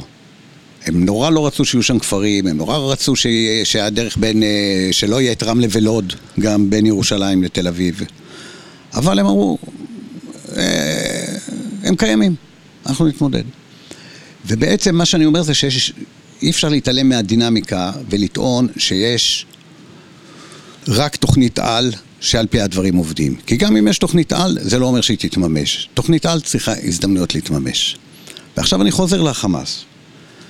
אז גם לחמאס, אם יש את התוכנית על או את הפנטזיה שלא יהיו פה יהודים, זה לא אומר שהם יעשו תוכנית אופרטיבית, וזה לא אומר, גם אם יש תוכנית אופרטיבית, שהם יצאו לממש אותה. בשביל זה צריך עוד תנאים. בעוד תנאים שצריך בשביל זה, זה, למשל, שמדינת ישראל לא מעוניינת להגיע להסדר עם הפלסטינים. ומדינת ישראל לא מוכנה לקיים קשר בין הגדה לרצועה.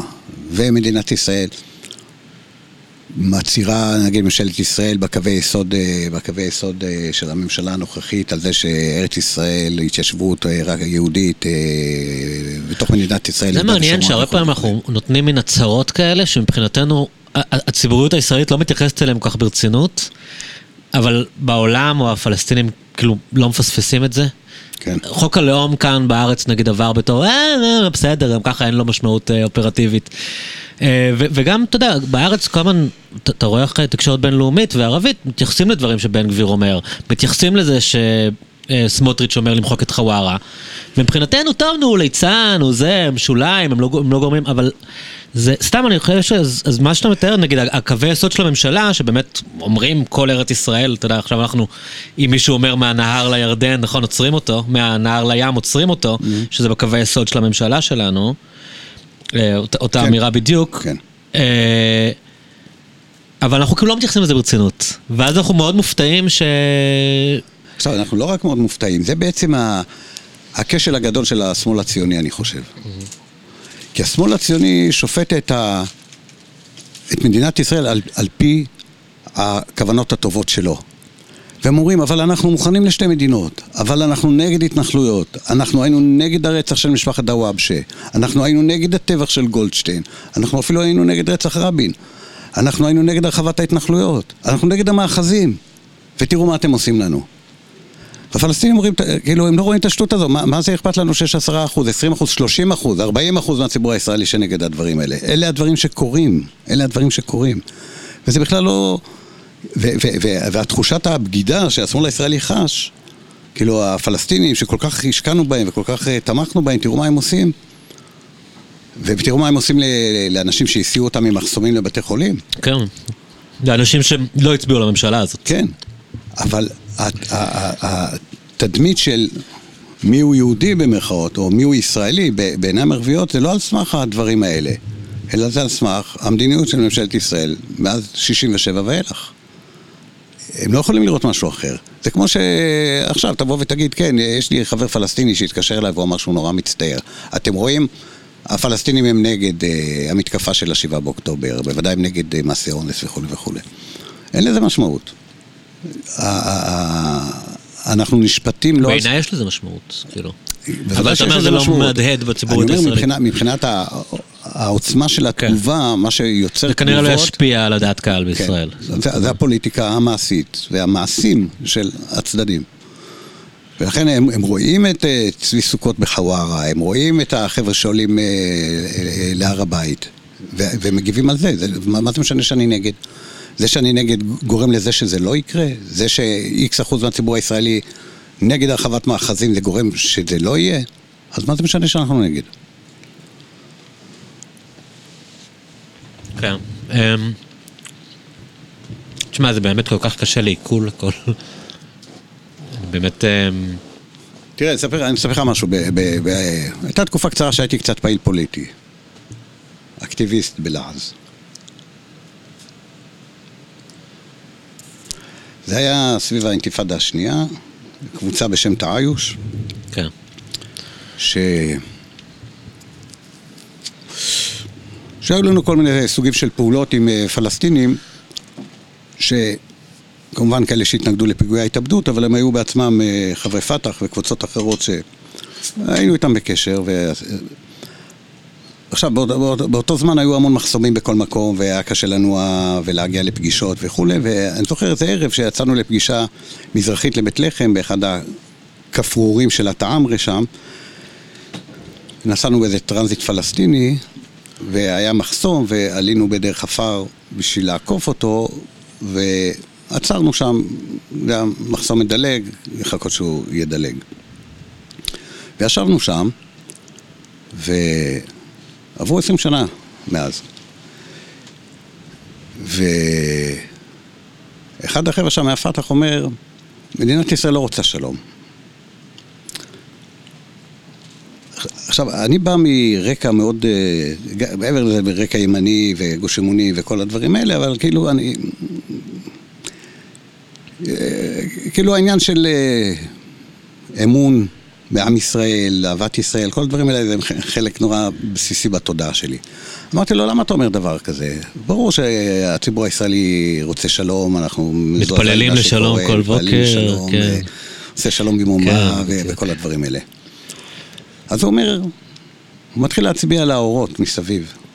הוא אומר, אתה רואה, הנה נוקדים, והנה תקוע, והנה אפרת, השכונות המזרחיות של אפרת, ושם קשה לראות את uh, מעלה עמוס, ופה מאחורה הר חומה. הוא אומר, אני לא יודע מה אתם רוצים, אני יודע מה אתם עושים. כן. ובשבילי זה היה מין רגע של גילוי כזה. כן, זה ש, שיש המון אנשים עם כוונות טובות, איזה משמעות יש לזה? מבחינת המציאות הפלסטינית. אוקיי, okay, אז מבחינתנו, מה זה רלוונטי, כל השיחה שלנו אחרי שהם עושים שבעה באוקטובר כזה? אה, כאילו זה, זה אותו, אותו היגיון בעצם, להגיד, אוקיי, אז מה, זה בכלל, זה בכלל לא משנה, כאילו. אתה מתכוון, אנחנו יכולים לדבר כאן על זמן קטן, זמן גדול. כן. ראינו מול העיניים שלנו את הדבר הכי מזעזע ש... אני לא חושב שזה משנה, כן. ולכן העדפתי לשתוק. כן. ואני חושב שהניתוח שה... ההיסטורי הזה הוא ניתוח היסטורי, שגם אפשר אה, לחלוק עליו אולי וכולי וכולי, הוא ניתוח היסטורי, וההיסטוריה משתנה. זאת אומרת, אנחנו לא יכולים לשכוח מה שהיה בעבר, אבל אנחנו כן יכולים להגיד, אוקיי, יש פה נקודת מפנה, ומה עכשיו אנחנו יכולים לעשות? עכשיו, אם אנחנו משתמשים בניתוח ההיסטורי בשביל לראות נגיד, אם תהיה מסקנה, נקרא לה מרחיקת לכת, אבל שיש להתנהלות ולפוליטיקה הישראלית השפעה על איך שהחמאס מתנהל. Mm-hmm. אז אתה אומר, אוקיי, הם כמובן אשמים במה שהם עשו, ואנשים שם, כאילו, מאנשי החמאס ועזתים אחרים, הם פשוט פרקו כל אנושיות מעל עצמם והתנהגו בצורה זוועתית ביותר. כמובן שכשעשינו ככה וככה וככה, לא לזה ציפינו. אז זה לא אחריות שלנו בכלל, או... זאת אומרת, יש פה, יש פה מלכוד מסוים. כי מצד אחד, אנחנו אומרים, אנחנו לא רוצים לדעת את ההקשר. אתה לוקח את המתודה שלי, שהיא כן. בעייתית, ואתה אומר, בוא נסתכל שנייה לצד השני. ובצד השני, עכשיו בעזה, אנשים מקללים את חמאס, למה עשיתם את זה, תראו למה גרמתם, וחמאס אומר להם, אל תסתכלו על הקונטקסט, תסתכלו על מה שהם עושים. זאת אומרת, זה, זה, המנגנונים הם אותם מנגנונים בעצם. כל צד רואה רק את הסיפור שלו, מסרב לראות את הקונטקסט ואת ההשלכות של המעשים שלו, ומתבצר בצדק שלו. עכשיו, אם הולכים בשיטה הזו, אז כל צד ימשיך להתבצר בצדק שלו, ו... ולא יהיה שום גישור. ואז אנחנו מגיעים לגישות בחברה הישראלית מול העניין הזה. אז הגישה שסמוטריץ' מוביל אותה עוד לפני שהוא נכנס לקואליציה, זה הגישה של הכרעה. זאת אומרת, הוא מלכתחילה אומר, אין פה עניין למשא ומתן, אין פה עניין להסדר. נכון, היו שלושה זרמים, זרם אחד שאומר נגיע להסדר, זרם אחד שאומר ניהול הסכסוך, וזרם אחד שאומר הכרעה. אז הוא אומר, כן, אין, אין מה להגיע איתם להסדר, צריך להגיע להכרעה. ובצד הש, השני יש אותם שלושה זרמים, כן? האלה שמפנטזים על הכרעה, כן, אם חיזבאללה יעזור לנו, ואם יבואו כוחות מפה וכוחות משם, והחות'ים ואני לא יודע מי, אז נוכל להגיע להכרעה. ואחרים אומרים, יאללה, תנו לחיות, עזבו אתכם מהשטויות האלה, נלך, נעבוד אה, ברמי לוי, בצומת הגוש. אה, תעבור, נחכה במחסום ונביא כן, אלפיים שקל לרצועה כן, ו... כן, ואחרים אומרים, לא, צריך לעבוד למען הסדר פוליטי. אז שלושת הזרמים האלה קיימים בשני הצדדים. כשמי שמחליט, מתווכחים כאן מי החליט, כשמי שמחליט על להוציא מתקפה כזאת, הוא, הוא שוקל אה, גם שיקולי זמן קטן? טוב, אני לא כן. נמצא בתוך התודעות כן. שלהם אה, שאני, שאני אוכל לענות על זה בצורה מלאה. אני כן יכול לשאול על זה, האם בהינתן חלופות אחרות, גם אותה הנהגה שהורתה על זה, וגם אותם אנשים שיצאו לעשות את זה, אה, היו נוהגים באותה צורה. וזו שאלה שצריך לשאול. חלופות אחרות, למשל, הפתרון הלא פופולרי של שתי מדינות. אם הייתה קמה מדינה פלסטינית, האם היא הייתה הופכת להיות מדינה שהמוקד שלה זה להמשיך להרוג יהודים, או שזו מדינה שהמוקד שלה זה להגיע לפיתוח אה, כלכלי ולרווחה ודברים כאלה. אז אפשר לענות גם על זה, שהיו בתוך המדינה הזו זרמים כאלה וזרמים כאלה. ואו שזה היה מתחזק או שזה היה מתחזק. למשל, מדינת ישראל בין 49 ל-67. אז היו כאלה שהפנטזיה שלהם הייתה לכבוש את כל ארץ ישראל. אבל הפרויקט העיקרי של מדינת ישראל לא היה זה, אלא זה היה קליטת עלייה, פיתוח כלכלה וכולי וכולי. אבל כשיש את ההזדמנות, אז עושים את זה.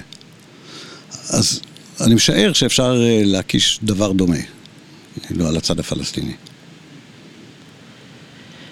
כן. זאת אומרת שאם הייתה קמה מדינה פלסטינית אחרי אוסלו, זאת אומרת אם במקום אחרי 90 ו...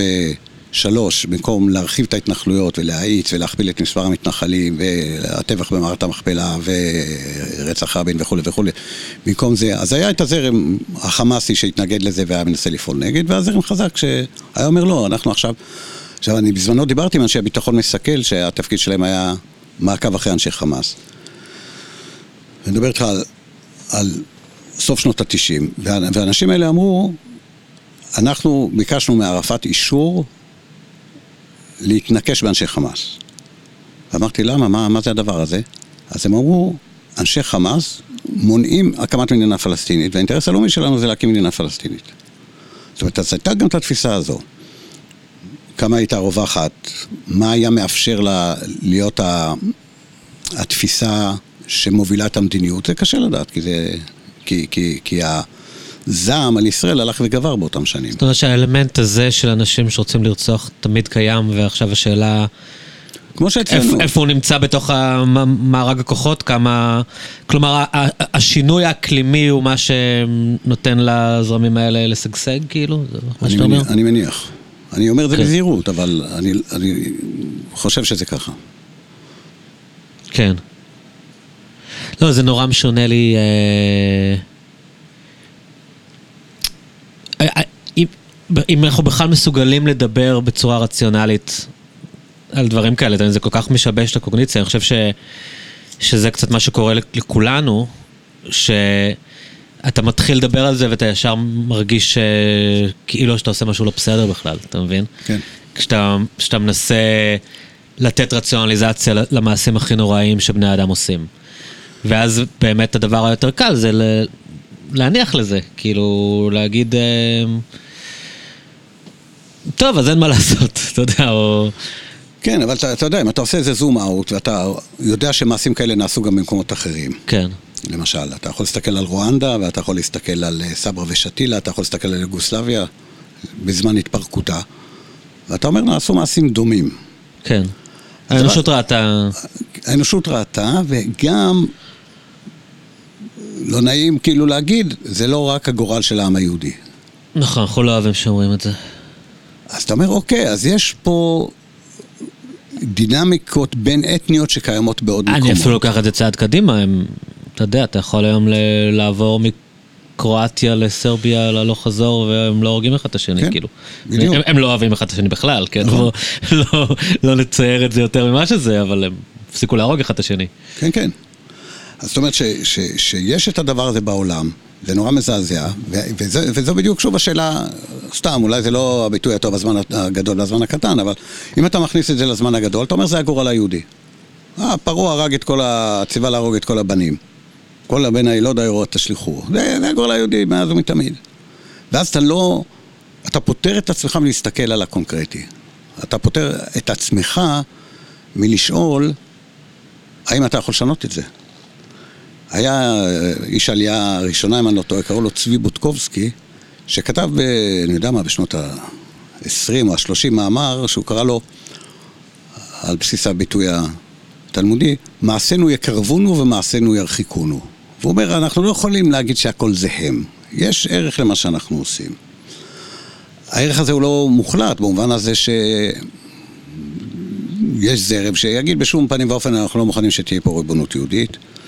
יהיו כאלה שיגידו, אנחנו, תנו לנו לשתות דם יהודים, אבל על ציבור רחב זה כן ישפיע. יש סנטימנט, אמ, דעת קהל ו... ורוח גבית לצורך העניין. כלומר, היום כולם אוהבים להגיד, אה, לא כולם, סליחה, אומרים, איך אומרים לו לאיראני הזה? יוספיאן, שזה שניים וחצי מיליון טרוריסטים בעזה. זאת אומרת, אני לא חושב שיש שם שניים וחצי מיליון איש שהיו מסוגלים לעשות את הדברים האלה. כאילו, אף אחד לא יצליח לשכנע אותי בזה. עכשיו השאלה היא, אה, איך פעולה כזאת מתקבלת? כן. וכשהסנטימנט האנטי-ישראלי מאוד מאוד חזק, אז אה, יהיה פחות גינוי לדברים כאלה, אתה יודע, והאם זה הופך את האנשים האלה לבני מוות, כשבמציאות אה, של עוינות מאוד גדולה הם לא מגנים טרור? זו שאלה, אתה יודע, אפילו להעלות אותה זה, זה טעון ב- בישראל, אבל אני, אני יודע מה אני חושב כאן, כאילו, כלומר, יש הבדל גדול בין מי שרוצח לבין, כי אני, כי אני מכיר את הישראלים. Mm-hmm. כי אני יודע ש... שהיום לאנשים אומרים, מה אכפת לי שמתים שם תינוקות, נכון? אנשים אומרים את זה. Mm-hmm. למה לא אכפת לך? לא אכפת לך, כי אתה מאוד טעון ועברת דבר מאוד מאוד קשה. כן. ועכשיו השאלה, אפשר להשוות, אי אפשר להשוות, אבל ברור ש, שהאנשים שיכולים להגיד היום בתוך ישראל, לתמוך לצורך העניין ברצח עם, אוקיי? במשתמע או במפורש, הם לא אנשים שיבצעו רצח עם. אמ, יש, יש אקלים ציבורי, כן, כאילו. כן. עכשיו, אני, עכשיו, הדבר הזה גם נסמך על, על נקרא לזה מחקרים ו, וכולי. פיגועי כן. ההתאבדות של 96, אה, שהזכרתי אותם כבר, כי בשבילי הם היו מאוד טראומטיים, כי שניים מהם היו בירושלים, ברחוב יפו, בסוף פברואר 96. אז פיגועי, פיגועי ההתאבדות האלה, התמיכה בהם בציבור הפלסטיני הייתה בערך 30 אחוז. והיו 60 אחוז בערך, וקצת יותר שהתנגדו להם. באיזה שנה? 96? של 96. כן. זה הפיגועים, הרי היה רצח רבין בנובמבר, אחרי זה השב"כ אה, התנקש ביחיא כן. עיאש, בעקבות ההתנגשות ביחיא עיאש הייתה את החוליה של אבו ורדה ממחנה הפליטים פוואר, שעשו את הפיגוע הראשון ב...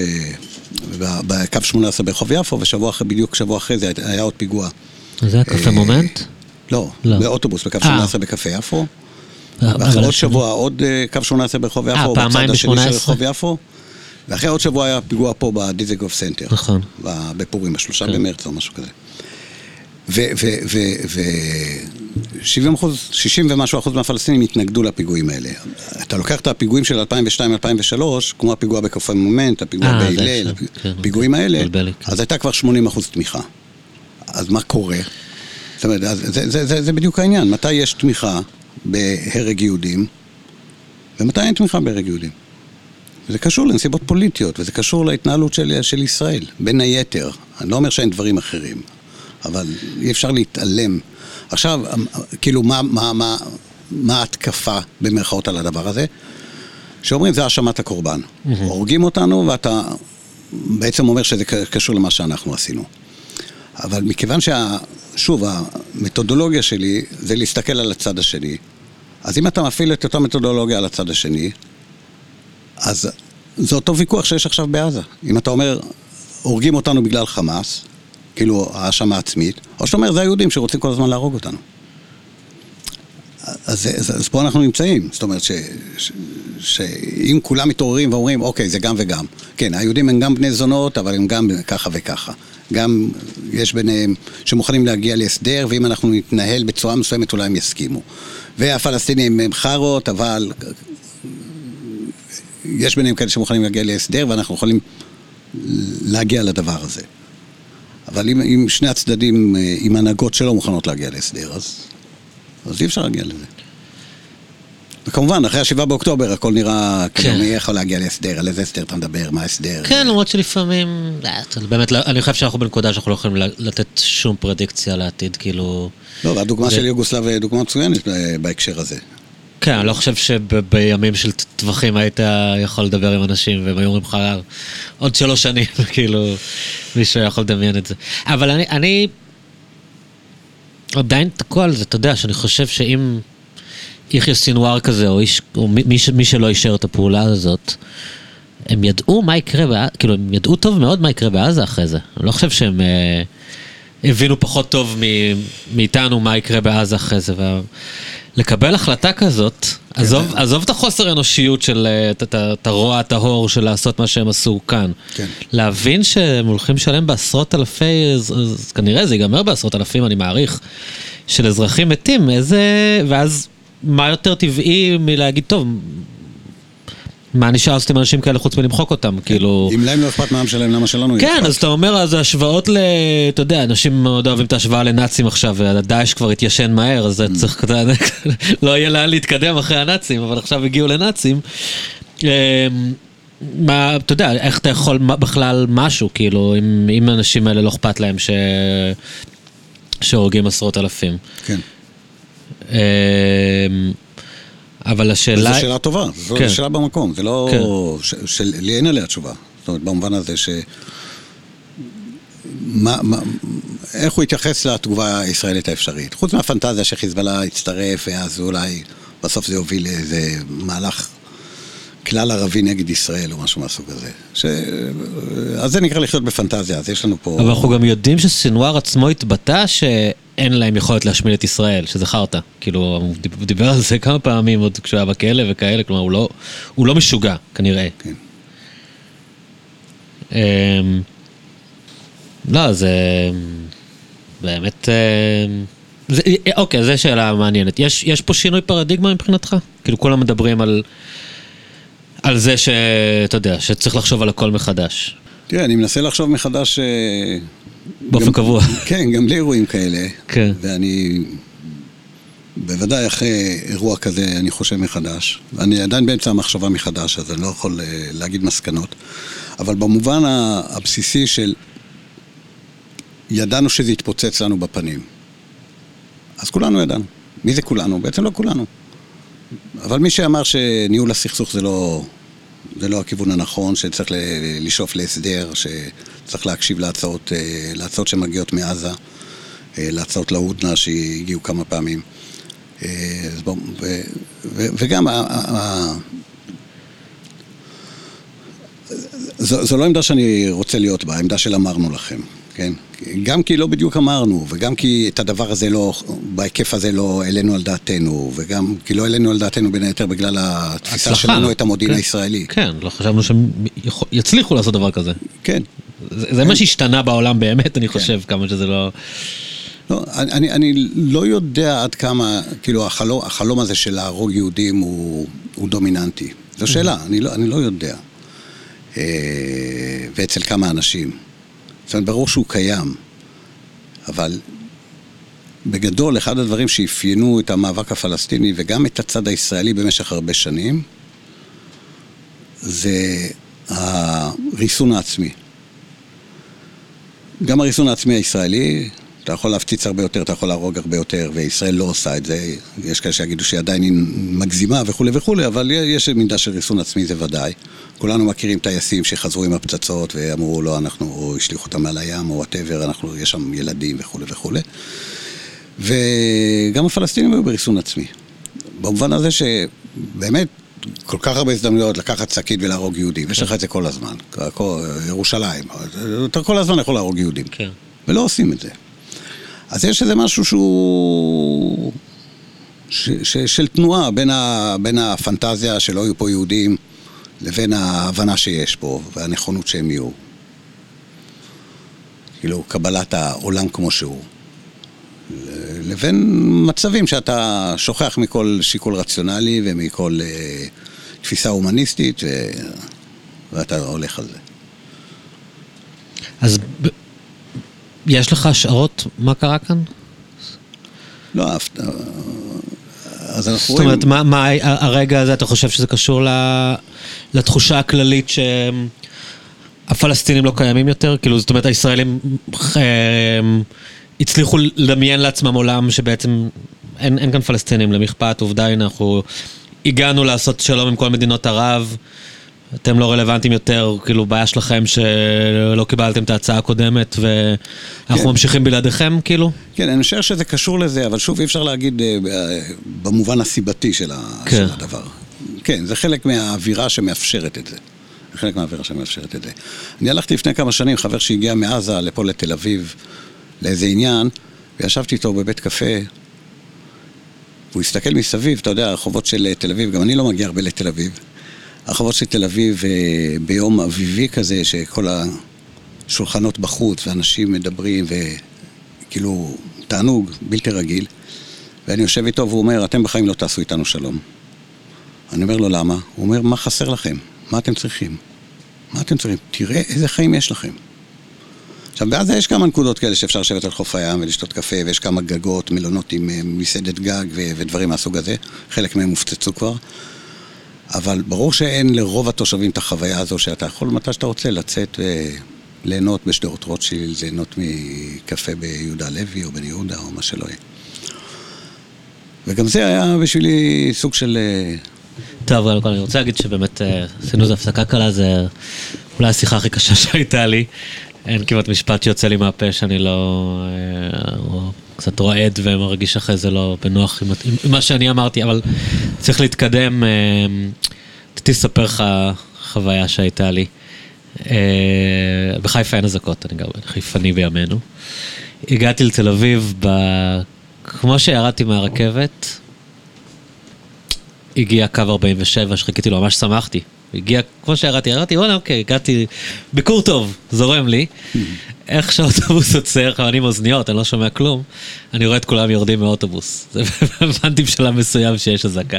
זה היה איך, איך שיצאתי מהתחנת רכבת, האזעקה הראשונה ש... הייתה אחת שווא בחיפה, אבל האמיתית הראשונה שהייתה לי במלחמה הזאת. אמ, כולם מתיישבים על המדרכה, גנת הארוחה, ואישה אחת נשכבת על הרצפה, אה, צורחת בוכה, אומרת, אנחנו טובים, אנחנו טובים, אני לא מבינה למה אנשים לא מבינים את זה, שאנחנו טובים. אני בת 65, זה כזה לא כל כך בהירה, מדברת לאיזה בחור צעיר שיושב לידה, הוא יושב והיא שוכבת על המדרכה. אנחנו טובים, כל הבעיה היא ביחסי ציבור, אנחנו לא מבינים את היחסי ציבור, אבל אנחנו טובים. בסדר, נגמרה האזעקה, עליתי לאוטובוס. אמ, זה, פשוט זה שכאילו בלבל אותי, העניין הזה שבתוך רגע כזה, כשאתה מפוחד, כשיורים עליך, החשיבות שהיא נותנה לדעת שהיא טובה, ושידעו שהיא טובה, כלומר, גם כשאתה, גם כשאתה בסכנת חיים אמיתית, או נגיד כמו שהיא תפסה את זה כסכנת חיים אמיתית, הצורך הזה להיות הצודק ולקבל הכרה בזה שאתה צודק, הוא, אתה יודע, הוא, כן. הוא הדבר המרכזי. כן. ואתה רואה את ה... בטוויטר איך אה, כולם הצטרפו להסברה. Mm-hmm. אנשים שלא כתבו מילה באנגלית מימיהם, מצטרפים למלחמה ההסברתית. אה, מנדי גרוזמן, כפרה עליו, סיפר לי איך הוא משתף פעולה במשחק, אפילו לא, הוא לא יודע אנגלית, אבל הוא פשוט מדביק לפי מה שמנחים אותו. אה, כולם, כולם בתוך זה, כשאתה לא יודע אם זה ניסיון להשיג משהו, אתה יודע, לעזור באיזה להשיג הישגים אינסטרומנטליים בעולם, או באמת הרצון העמוק הזה של תדעו שאנחנו הצודקים כאן. אה, אז רציתי לשאול אותך קודם כל כמה זה חזק אצל הפלסטינים, אם זה גם חזק, ואני בעוונותיי כמגשר, אני יודע שזה אולי המכשול הכי גדול ללהגיע לפתרון. כי, כי אתה, בערך אתה לומד את זה בשיעור הראשון, שאתה לא יכול, יש את השיר הזה הקלישאתי של יהודה עמיחי, שתמיד מצטטים, מהמקום שבו אנו צודקים לא יצמחו פרחים, אני לא, לא יודע לצטט את זה, אבל זה שיר מאוד מפורסם ש... כן. אמ, אתה לא יכול להגיע לפתרון כשאתה בא לנסות להכריע מי צודק. כאילו, זה איפשהו אתה צריך לשים בצד את השאלה הזאת. אמ, אז, אז אני רוצה לשמוע כן, ממך, כן. כן, אני חושב ש... אם נקרא לזה תכונה, אני לא יודע אם זו המילה הנכונה, אז ברור שמבחינת הפלסטינים, ברור, גם ברור שהם צודקים וגם נורא חשוב להם להראות שהם צודקים וגם יש להם דרכים להראות שהם צודקים וכש... תראה, הרבה פעמים דווקא בחוגים ימניים אומרים, מי שקורבן זה לא אומר שהוא צודק. אבל עכשיו כשאנחנו הקורבנות, אז מבחינת הרבה אנשים זה אומר שאנחנו צודקים. אז גם זו נקודה למחשבה. אבל בגדול, כאילו, התודעה הפלסטינית מראשיתה. ראשיתה, אז אני מדבר על שנות ה-20 של המאה ה-20. זו תחושה של קורבנות, זו תחושה שהם נבגדו על ידי בריטניה שנתנה את הצהרת בלפור ומאפשרת ליהודים לעלות לארץ ולהתיישב בארץ. כן, היהודים היו עשרה אחוז מהאוכלוסייה בתחילת המנדט, היו שלושים ושתיים אחוז בסוף תקופת המנדט. אז, אז הדבר הזה ש, ש, שהיהודים בסיוע מעצמה זרה מצליחים להשתלט להם על הארץ, ואז באמת גם אגב מתחיל השיח קולוניאלי, שהיהודים הם כלי בידי האימפריאליזם, הקולוניאליזם, בשביל להשתלט על חלק מהמזרח התיכון לטובת המעצמות וכולי וכולי.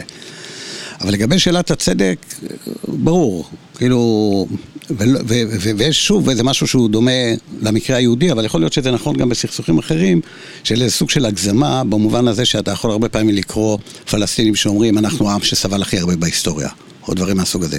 שגם יהודים כמובן אומרים את זה, ויהודים... בהרבה מובנים, במלחמה הזו מנצחים. אין להם הרבה היסטוריה, אבל גם בהיסטוריה שלהם הם לא סבלו כן, הכי הרבה. גם בהיסטוריה שלהם הם לא סבלו הכי הרבה, ואפילו במלחמת האזרחים בסוריה כן. עדיין נהרגו יותר אנשים. אפילו לא מערבים, אתה אומר. כן. כן.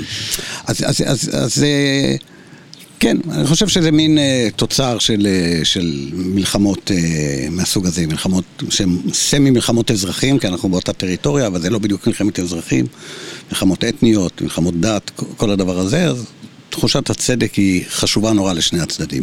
לכן גם כועסים על מי ששם על זה סימן שאלה. שאומר, רגע, אולי אנחנו צודקים, אבל לא בהכל. אולי אנחנו צודקים, אבל כדאי לעשות את זה אחרת. או בואו נהיה חכמים ולא צודקים. או כל הדברים האלה. כן. זה לא נתפס בעין טובה בשני הצדדים. עכשיו, אני אומר שני הצדדים, ואני יודע שלהגיד היום שני הצדדים זה דבר מזעזע, ולא כן. רק היום. שוב, התפיסה שלי כאדם בכלל וכחוקר, זה להסתכל על שני הצדדים ולהשתמש באותם כלים לשני הצדדים. ועל זה יש כאלה שטוענים שזה לא... מה, מה, מה זה צריך להיות? זו הייתה אחת הביקורות על תרפ"ט, אולי של חגי סגל, שכתב, אה, אתה מהאו"ם שאתה מסתכל על הצדק של שני הצדדים, אתה צריך להסביר את הצדק כן. שלנו. יש את המכתב המפורסם שגרשום שולם כתב לחנה ארנדט, כן. שהוא אמר לה אין לך אהבת ישראל, והיא הרגה אותו ואמרה לו מה זה... כן, אבל אני דווקא אה, מונע על ידי אהבת ישראל. כן. זה אחד הכוחות המניעים שלי, רק שאצלי אהבת ישראל היא כל כך חזקה, וכל כך אני מלא בה, שזה, שיש עודפים שאני יכול לשפוך על הסביבה גם. וזה לא אהבת ישראל מצומצמת שהיא אנטי סביבתית. אז אה, כן.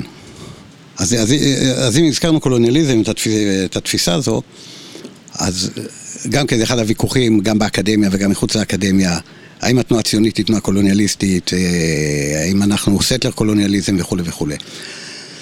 ואני באופן אישי מאוד נמנעתי מלהשתמש במונחים האלה, עד כדי כך שהוזמנתי לאיזה כנס אה, על סטלר קולוניאליזם בארצות הברית. בוא נגיד למי שלא שמע את השיחה עם ארנון דגני, סטלר קולוניאליזם, הכוונה שזה לא קולוניאליזם של מדינה שמיישבת מדינה אחרת, אלא זה אנשים שהגיעו כדי להתיישב שם ולהפוך, נכון? אני אמרתי נכון בערך? כלומר שאין מדינה מאחוריהם, לא, אבל לא. עדיין יש מאפיינים של קולוניאליזם בעצם ההתיישבות שלהם כשהם מקימים גוף חדש, נכון? לפעמים יש מדינה מאחוריהם, ולפעמים אין מדינה מאחוריהם, אבל מה, מה, שבודקים, גוף, מה שבודקים כאילו. זה את הפרקטיקות של, ה, של ה, המתיישבים. הם באים כדי להפוך להיות אה, קבועים במקום, כן. ולא כדי לשרת את מדינת הבית, בדיוק. מדינת המוצא? כן. אוקיי. כן. אז באמת השאלה הזו היא שאלה שהיא נתונה במחלוקת, וכמו שהתחלתי להגיד, באותו כנס, ההרצאה שלי, שלא אהבו אותה, הייתה למה לא נכון להשתמש במונח סטלר קולוניאליזם בהקשר, בהקשר הציוני. עברו כמה שנים מאז, והטיעונים שלי לא היו חזקים אגב. אחד, אחד הטיעונים שלי היה שמה שאני לא יכול להגיד בבית כנסת אחרי התפילה, אני לא אומר גם בכנסים אקדמיים. זה לא טיעון טוב. אבל מבחינת עצמי, יש בזה משהו. ו- ו- ו- וכשאני מנתח את עצמי, כאילו, למה, למה, למה באינסטינקט זה מה שאמרתי, כן? ואני אומר את זה בגלל השאלה האם השימוש במונח הזה יכול להביא תועלת. האם הציבור הישראלי יכול לקבל את זה? האם יש איזושהי כן. דרך שיהודים בארץ ישראל יראו את עצמם כקולוניאליסטים. לא. הרי הביטוי האהוב על הימין זה אינם כובש בארצו, נכון? אינם כובש בארצו. ו... ו... ו... ו... ולכן אני קצת נרתעתי מזה. והיה ו... איזה רגע לפני לא הרבה זמן, והרגע הזה היה פסיקת בג"ץ שמאפשרת לפנות את היישובים הפלסטינים במסע פריאטה, בדרום הר חברון. ואמרתי שיט, אוקיי, זו פעולה סטלר קולוניאליסטית פר אקסלנס. זאת אומרת, ההתיישבות כשלעצמה יש בה את הממדים האלה. אבל כשכל, כשכל ה... התעסקות. לא, המוסדות של המדינה. אה. זה הפרויקט שלהם, לנשל מישור. אנשים, לנשל אנשים בשביל ליישב אנשים אחרים. כמו אום חירן וחירן. אתה מנשל אנשים בשביל ליישב אנשים אחרים. אז בסדר, אתם לא רוצים לקרוא לזה סטלר קולוניאליזם, תקראו לזה משהו אחר, אבל זה מה שאנחנו עושים. אז במובן הזה, שוב, אני לא קראתי מספיק ספרות תיאורטית על זה, ולא לא, לא, לא, לא, לא עסקתי בזה הרבה, אבל אני מאוד מבין את הדבר הזה. ולכן, כמו שסיפרתי לך, היה לי את הסלוגן הזה לכמה זמן, של בשוב אדוני את שיבת ציון, היינו סטלר קולוניאליסטים. זאת אומרת, אנחנו באנו כחלק משיבת ציון, ויש לנו את הרגש לארץ, ויש לנו את הזיקה לארץ, ויש לנו, אני לא יודע מה זה זכות, אבל זכות לחיות בארץ, אבל הפרקטיקות שלנו הן כאלה. הפרקטיקות שלנו הן פרקטיקות של נישול, וכמו שאמרתי לך מקודם, גם מי שלא שותף לדבר הזה, בעיני עצמו, כי הוא נגיד בעד שתי מדינות והוא נגד אה, נישול פלסטינים בגדה המערבית, המדינה שלו זה מה שהיא עושה. וגם אם הוא מתחבא מאחורי הרצון הטוב שלו, הוא לא מתחבא מעינו של הקדוש ברוך הוא ולא מעינם של הפלסטינים. כי זו המדינה שלו. אני, לפעמים בתחושה שרוב הישראלים אין להם הבנה של רקע עמוק של, התנועה הציונית, כאילו. הם קצת מקבלים את המדינה כגיוון, ואז כשהם נתקלים בבן אדם שהנרטיב שלו, סליחה על המילה, אה, כל כך שונה, הם אפילו לא יודעים איך להתחיל לדבר איתו. כלומר, כי, כי כל כך הרבה דברים שאנחנו לוקחים כמובן מאליו, בגלל שלישראלים, אני חושב, רובם, אני יודע על עצמי עד לפני כמה שנים, אין בכלל מושג מה קרה לפני 48. רוב האנשים, מבחינתם הסכסוך התחיל ב-67 בכלל, ישראלים. Mm. אה, קח את עזה, עוד פעם, סליחה, אבל אנשים בכלל לא, אני חושב שהם לא מבינים כל כך, הרבה ישראלים לא מבינים כל כך את הסיפור של עזה, הם, הם, הם, הם לא יודעים שרוב העזתים לא רואים את עצמם בכלל כעזתים, הם רואים, הם אנשים שהם באו מכאן, ממש מהמקומות שאנחנו נמצאים בהם, ברחו לשם והם מחכים לחזור, וזה לא השתנה. לא, גידלו אותם שככה, כמו שאותנו כן. גידלו על רעיונות מסוימים. כשהשיח הפנימי הישראלי זה, יצאנו משם, למה, היה להם הזדמנות, למה הם לא בנו שם סינגפור, כאילו. כן.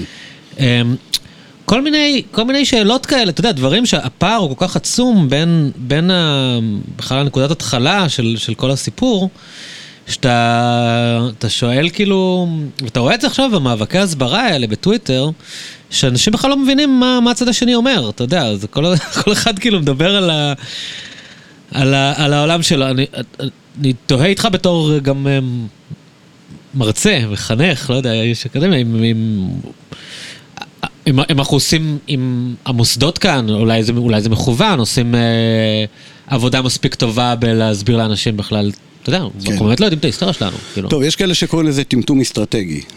זאת אומרת שמטמטמים בכוונה את הציבור, שהוא לא ידע את הסיפור של הצד השני. עכשיו, זה נכון גם לגבי הצד השני, כמובן. גם כן. הפלסטינים לא יודעים את הסיפור שלנו. אצל הפלסטינים, אני אתן לך דוגמה, בעצם בשביל לקרוא לנו קולוניאליסטים, הם צריכים לנתק את הזיקה שלנו מהארץ, בתודעה שלהם. ופה אפשר להצביע על שני, על שני פריטים סותרים לכאורה בלקסיקון הפוליטי הפלסטיני. כי יש, כי יש, כאילו ככינוי ליהודים אפשר לקרוא להם בני דודינו, ואנחנו בני דודים, ומצד שני קולוניאליסטים. עכשיו כשאתה אומר בני דודים, אתה אומר כן, זה בני הדודים שלנו, הם חיו פה. כשאתה אומר קולוניאליסטים, אתה אומר שהם זרים. ושני הדברים האלה נמצאים אחד לצד השני. הם נמצאים אחד לצד השני בין היתר באמת בגלל הסיוע שהתנועה הציונית קיבלה ממעצמות זרות, בגלל השיטות של התנועה הציונית, בגלל הנישול ש... ש, ש התחיל והמשיך. אז, אז מבחינתם העניין של הבני דודים הוא נמחק, הוא נשאר בשוליים, בקבוצות שהן לא בשיח פוליטי, אלא בשיח מסוג אחר, שיח חברתי, שיח של פועלים, שיח, שיח מהסוג הזה, שהאולד אמנה. אבל, אבל זה, זה, זה, לא, זה לא חלק מה... זה הפסיק להיות חלק מהלקסיקון הפוליטי. ו, ועכשיו, זה גם קשור לפנייה לאומות העולם, מה שנקרא. כשפונים למוסדות בינלאומיים, אז אתה לא תדבר בשיח של בני דודים, הנה בני הדודים שלנו הגיעו. אז כבר כאילו, ב, שוב נזכר, הזכרתי את ג'מאל חוסייני אני חושב, ב-47 הוא זה שדיבר אה, מול אה, ועדה של האו"ם בהתנגדות לחלוקה. אז באמת הטרמינולוגיה שלו הייתה הטרמינולוגיה של, אה, של זכויות אדם. או, כמה שאתה יכול להפוך את ישראל ליותר נטע זר, את היהודים ליותר נטע זר, אתה מגשים את המטרה שלך, אין לך אינטרס... כן, אתה מגשים את המטרה של למנוע הקמת מדינה יהודית כן. ריבונית במקום הזה. על, על, על חשבון התושבים המקוריים שלה, כמו שהם יגידו. אז אה, זה חלק חשוב בשיח. כאילו, באמת המעבר, אני לא יודע אם אפשר לקרוא לזה בדיוק מעבר, אבל כאילו הצמצום של ההתייחסות ליהודים כבני המקום, וההדגשה של, ה, של הממד הזר של, היהדות. ואז עם זה באים כל מיני סוגים של טיעונים. למשל הטיעון שהיהודים של היום הם לא בני ישראל של פעם. כן. של הכוזרים או כן. מה שלא יהיה. אה, והטיעון שבעצם לא, לא, לא היה פה אף פעם כמעט אה, מדינה יהודית בהיסטוריה. זה פיקציה. כן. שזה משהו שהוא כמעט נכון אגב, כי אם אתה מסתכל על אה, תקופת אה, בית ראשון למשל, אז... אה, חסות של כל מיני אימפריות. כן, ו... תחת אשור, תחת כן. מצרים. כן, גם שיבת ציון המקורית, זה עדיין היה שליטה של הפרסים, זה לא שבאמת כן. הייתה כאן מדינה עצמאית עד לכמה שנים של החשמונאים. כן, וגם אז הם תחת כן. היוונים, ואז תחת הרומים. כן. זאת אומרת... אז, אז, אז הטיעונים הם טיעונים היסטוריים. עכשיו, ההיסטוריה היא לא אותה היסטוריה, אנחנו מספרים סיפורים היסטוריים שונים לגמרי. ואז כמובן אנחנו מגיעים למסקנות שונות לגמרי. בשביל הפלסטינים זה, זו ארץ אה, כנען שבאו כל מיני עמים וגם היהודים העברים עברו בה, לכן קוראים להם עברים כי הם עברו בה. ובשבילנו זה צור מחצבתנו, זה סלע קיומנו, תמיד היינו פה בארץ ישראל כמה ימים היהודי, נכון? ו- כן. וכולי. אז גם התפיסה ההיסטורית הרחוקה... פלסטינים רואים את עצמם, רובם כילידי הארץ? כלומר, הם, אה, אם הייתי חוזר עכשיו שלושת אלפים שנה אחורה, הייתי רואה את אה, סבא שלו? אה, לפחות רואים את עצמם גם פה זה שיח שהוא מלא סתירות. יש את השיח הפלסטיני שאנחנו ההמשך של הכנענים, אנחנו צאצאי הכנענים, ואם תפתח ספרי לימוד פלסטינים, נגיד בפרק על ירושלים, אז בדרך כלל ברוב הספרים, לא משנה באיזה כיתה, הספר יתחיל במשפט כמו אל-קודס, היא יבוס, מדינה כנעניה יבוסיה, עמרוה אל-כנעניון, 3,000 סנה קבל אל-מילאד. כלומר, ירושלים היא יבוס, היא מדינה יבוסית כנענית, שבנו אותה הכנענים הערבים 3,000 שנה לפני הספירה. ובעצם הם רואים את עצמם כהמשך של ה... אה, יבוס, אה, יבוסים. היבוסים, כן. היבוסים הם חלק כן. מעמי כנען. כן, כן. אז, וירושלים היא יבוס, כן. ו- וכאילו אנחנו פה בהמשך של הדבר הזה. זה. מצד אחד. מצד שני, יש תפיסה שהיא יותר uh, קשורה למציאות, נקרא לזה, לא שהתפיסה הזו לגמרי לא קשורה למציאות, זה קשור למציאות מיתית, זה קשור למציאות גנאולוגית. כן. שבעצם uh, הפלסטיניות היא, בשונה מאוד מהיהדות, היא זהות שהיא על סמך טריטוריה. וזה דבר שצריך לשים אליו לב היטב. כאילו התפיסה של לאומיות יהודית היא לאומיות, כמו שאמרנו, היא לאומיות של, אה, של, של דם, של משפחה, של שבט שיש לו דת. אז לא משנה איפה אתה נמצא, אתה נמצא בקישינב שהזכרנו, אתה נמצא בוורשה, אתה נמצא בקזבלנקה, אתה חלק מהשבט הזה, ואתה חלק מהקולקטיב. הפלסטינים זה לפי אדמה. מי שלא פה, לא פה. זאת אומרת, מי שגורש ורוצה לחזור אז הוא חלק מהקולקטיב, אבל הקולקטיב נוצר על ידי הטריטוריה. ואז... כשאתה כאן אתה פלסטיני. כן. ואז היו פה את הכנענים, חלק מהם הושמדו וחלק נשארו, הגיעו אדומים, חלק נשארו, היו פה יהודים, חלק התאסלמו, חלק התנצרו, חלק זה וחלק זה, הגיעו צלבנים, חלק ככה וחלק ככה, הגיעו השבטים של בנו הלל, שבטים מפה ושבטים משם, הגיעו מהגרים ממצרים, הגיעו מהגרים מחורן, הגיעו מהגרים מעיראק. וכל מי שמגיע לפה, לתוך המקום הזה, הוא פלסטיני. מין קולקטיב של עמי הארץ? זה קולקטיב של עמי הארץ שמקבלים את התרבות של הארץ. שזה מעניין, כי אז למה הקשר לא ניתק כשהם פליטים? הרי כל הזמן הם כולם פליטים עכשיו, אז למה... כי אתה יכול לנתק את הקשר ואתה יכול להשאיר אותו. הבחירה שלך? העניין של הפליטים הוא כבר כשיש לאומיות מודרנית. כן. ואז התפיסה כבר, כל מי שהיה, וזו ההגדרה של פלסטיני לפי האמנה הפלסטינית, כל מי שהיה או הוריו בפלסטין לפני 1947, כל ערבי שהיה... ואתה אומר, לפי ההיגיון הזה, אתה גם כותב על זה בספר, בתרפ"ט, שהם בכלל לא מתרגשים מכל הטענות שאהובות על יהודים של, אה, הגעתם לכאן רק במאה ה-19 ממצרים. כן. כי כשהגעת, הגעת, אתה כן. פלסטיני כבר, כאילו. כן. ויותר מזה, הפער הזה הוא מאוד בולט, כי כשאתה... מדבר עם פלסטינים מכל מיני כפרים, או אתה קורא את הספרים, כי יש המון ספרים של המון כפרים, אז אחד הדברים שאתה רואה, שהם אומרים המוצא של המשפחה שלנו מנג'ד, בחצי האי ערב. המוצא של המשפחה שלנו ממצרים. המשפחה, אני יודע, משפחת ג'עברי בחברון, שהמשפחה שלה מצפון עיראק. אה, אנחנו כורדים בעצם, משפחות אה, בהר חברון, במטולה, או משפחת אה, אבו אל-היג'ה מעין חוד. כן, אנחנו באנו מכל מיני מקומות, באנו לפלסטין, ואנחנו עכשיו פה, וזו הארץ שלנו. בין היתר כי זו הארץ הקדושה, אבל לא... אבל זה מעניין שכאילו בסולם הערכים שלנו, זה כאילו נחות. כי אנחנו נותנים הרבה דגש על הקדימות, על העתיקות, על זה שאנחנו שלושת אלפים שנה כאן. זה כאילו, מבחינתנו זה מנצח, עצם זה שהקודם הזה כבר מנצח, כאילו. זה בדיוק, זה שני סוגים שונים של כן. לאומיות. לא, לא מודדים את זה אותו... הלאומיות הפלסטינית היא כמו האמריקאית. כאילו... שזה מוזר, כי כל השיח הוא כאילו... השיח השמאלני הפופולרי היום זה שיח ילידי. כאילו להגיד אנחנו ילידים, ואתה אומר היום זה מין משהו אזרחי בכלל, אמריקאי כזה. כן. אה, זה סתירה. זה סתירה מעניינת, כן. כן. אבל כאילו הם הפכו ילידים בגלל שכאילו עושים איזה הקפאה, עושים איזה הקפאה של, הקפאת מצב בתחילת עידן הלאומיות, ואומרים אוקיי. מי שהיה פה, פה? אז הם, אלא, ולכן גם יהודים, יהודים שהיו פה לפני 1917 הם פלסטינים. אז עושים הקפאת מצב, עושים ספירת מלאי, אלה הפלסטינים. כן. אה, ולכן גם הם אומרים שאנחנו לא עם, ואנחנו אומרים שהם לא עם. אנחנו אומרים שהם לא עם, כן, זה כל מיני אנשים שהגיעו מכל מיני מקומות, זה לא עם. הם אומרים זה לא עם. אין להם טריטוריה. אין להם טריטוריה, אלה שפה ואלה שפה ואלה שפה, אין להם שפה משותפת, אין להם שום דבר משותף. אוקיי, יש להם איזה סיפור שהם המציאו את חלקו, שהופך אותם לעם. כאילו הם באים לכאן על סמך אגדות ומיתולוגיות ו... כן. והם, והם לא עם לפי הקריטריונים של אה, טריטוריה משותפת ו... ושפה משותפת, תרבות משותפת. תגיד, הטמטום ההיסטורי הזה שדיברת עליו, כמה, כמה לדעתך חלק מהסיפור זה זה שאנחנו לא יודעים ערבית? כי זה, אני חושב שזה, זה כאילו, גם, גם אגב, תמיד אני שואל את עצמי אם זה בכוונה, שהיה בחירה כשהקימו את המדינה שלא נדע. אה, כי כשרצו ללמד עברית עשו את זה יופי, אתה יודע, מהר מאוד לימדו את כולם עברית וזה היה ההישג הכי מרשים בעולם, ואז אתה אומר, האנשים האלה יכלו לגרום לתלמידים שלהם לדעת אה, ערבית כשפה שנייה, אם היה להם איזשהו עניין בזה.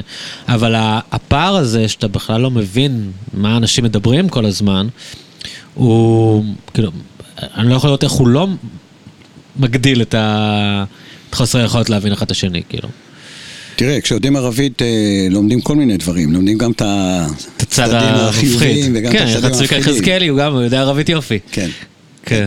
אז במובן הזה ידיעת ערבית היא, היא, היא, היא כלי, אבל כמו כל כלי, מכונית, אתה יכול לדרוס איתה, כן. ואתה יכול להגיע איתה לחברה שלך, אתה יודע, כן. אה, סכין, אתה יכול למרוח אה, נכון. ריבה. נכון. כן, אז, אז, כן, אבל זה כלי ש, שהוא נחוץ אם רוצים, אם רוצים להתקרב. ואני... אני פעם חשבתי שאפשר להבין את המציאות בלי לדעת ערבית. אחרי שכבר ידעתי ערבית הרבה שנים, אני מגיל 15 מדבר ערבית, אבל אה, חשבתי שאפשר, כי ראיתי, אני יודע, אנשים כמו בני מוריס שעושים מחקרים והם לא יודעים לא ערבית, וגדעון לוי שלא יודע ערבית, ואנשים אחרים שלא יודעים ערבית. ואז הבנתי שזה בעצם עדיין חסרים כמה רבדים אה, שהם חשובים. כאילו, גם העניין של... ש... של המגע הישיר, הבלתי אמצעי. אה, וגם בשיחות ופגישות עם אנשים, והאפשרות לדבר, האפשרות להיות, האפשרות אה, לעבור שלבים בהיכרות אה, וכולי. וגם במובן הטקסטואלי, מה באמת כותבים, שאתה לא... שלא מישהו בוחר לך מה תדע, כן? אלא אתה יכול לבחור את הכל, בלי, בלי למיין. ואז נפרס בפניך, נפרסת בפניך תמונה הרבה יותר רחבה של מה זה להיות פלסטיני, מה החוויה של להיות פלסטיני, מה האתוסים הפלסטיניים, מה הדרישות הפלסטיניות, מה חיי היום-יום הפלסטינים, אה, מה היחס של פלסטינים ליהדות, מה היחס שלהם לציונות, ההבדל בין יהדות לציונות, עד כמה הוא קיים. כל הדברים האלה, אז אם אתה חווה אותם דרך מפגשים עם אנשים ודרך אה, קריאה אישית, אה, שונה מאוד מאשר שקוראים סיכומים שלי או של מישהו אחר. כן. אחד הדברים המעניינים בספר זה שאתה אומר שה... שהתעוררות הסכסוך, כאילו, אתה... ב-29, מעבר לזה שהיא הגדירה, או התחילה להגדיר את היחסים בינם לבין הפלסטינים, היא בעצם הייתה הגדרה של היישוב ה... היהודי. כלומר, כן. שאיפשהו שני הלאומים, לא, לא רק הם, תמיד חושבים עליהם, שהם, שהם קמו כתגובת נגד לציונות, אבל שבמידה לא מבוטלת כל מה שיש כאן, שהוא לא רק ציונות, אלא יהודים בישראל, אה, הוא, הוא בעצם תגובה, ל, הוא גם תגובה ל, כן, לקונפליקט. כן. כן, בהרבה מובנים. זאת אומרת, גם, אה, גם ההצטרפות של קבוצות שישבו על הגדר או היססו, כמו קבוצות חרדיות, כמו קבוצות ספרדיות, שהיה להם אה, סוג של אה, חיבור לצד הציוני, אבל לא, לא שלם. אה, והייתה להם זיקה מסוימת לצד הפלסטיני, אבל שהיא הלכה ונחלשה. אז הדבר הזה חתך לגמרי את הסיפור הזה. אתה, כש, כשאדם נשפך, אתה לא יכול לשבת על הגדר, אתה... אדם קורא לך, ואדם הוא אדם היהודי. ואתה, ואתה מתחבר, וגם העניין של הביטחון, כן, אתה רוצה תחושת ביטחון, אז אתה תומך בגורמי ביטחון, אתה, גורמי הביטחון שלך, אז אתה תצטרף להגנה, אתה תצטרף לאצ"ל יותר מאוחר. אה, אתה צריך את, ה, את התחושה הזו ש, שיש לך על מי לסמוך. אתה לא יכול לסמוך על טוב הלב של, של ערבים או של פלסטינים. לפעמים יש אותו, לפעמים אין אותו. זאת אומרת, בחברון יותר אנשים ניצלו על ידי פלסטינים מאשר נהרגו על ידי פלסטינים בטבח בתרפ"ט. אבל אתה לא יכול לסמוך על זה. אתה אומר, אוקיי, סבבה. כלומר, יהודי יציל אותך.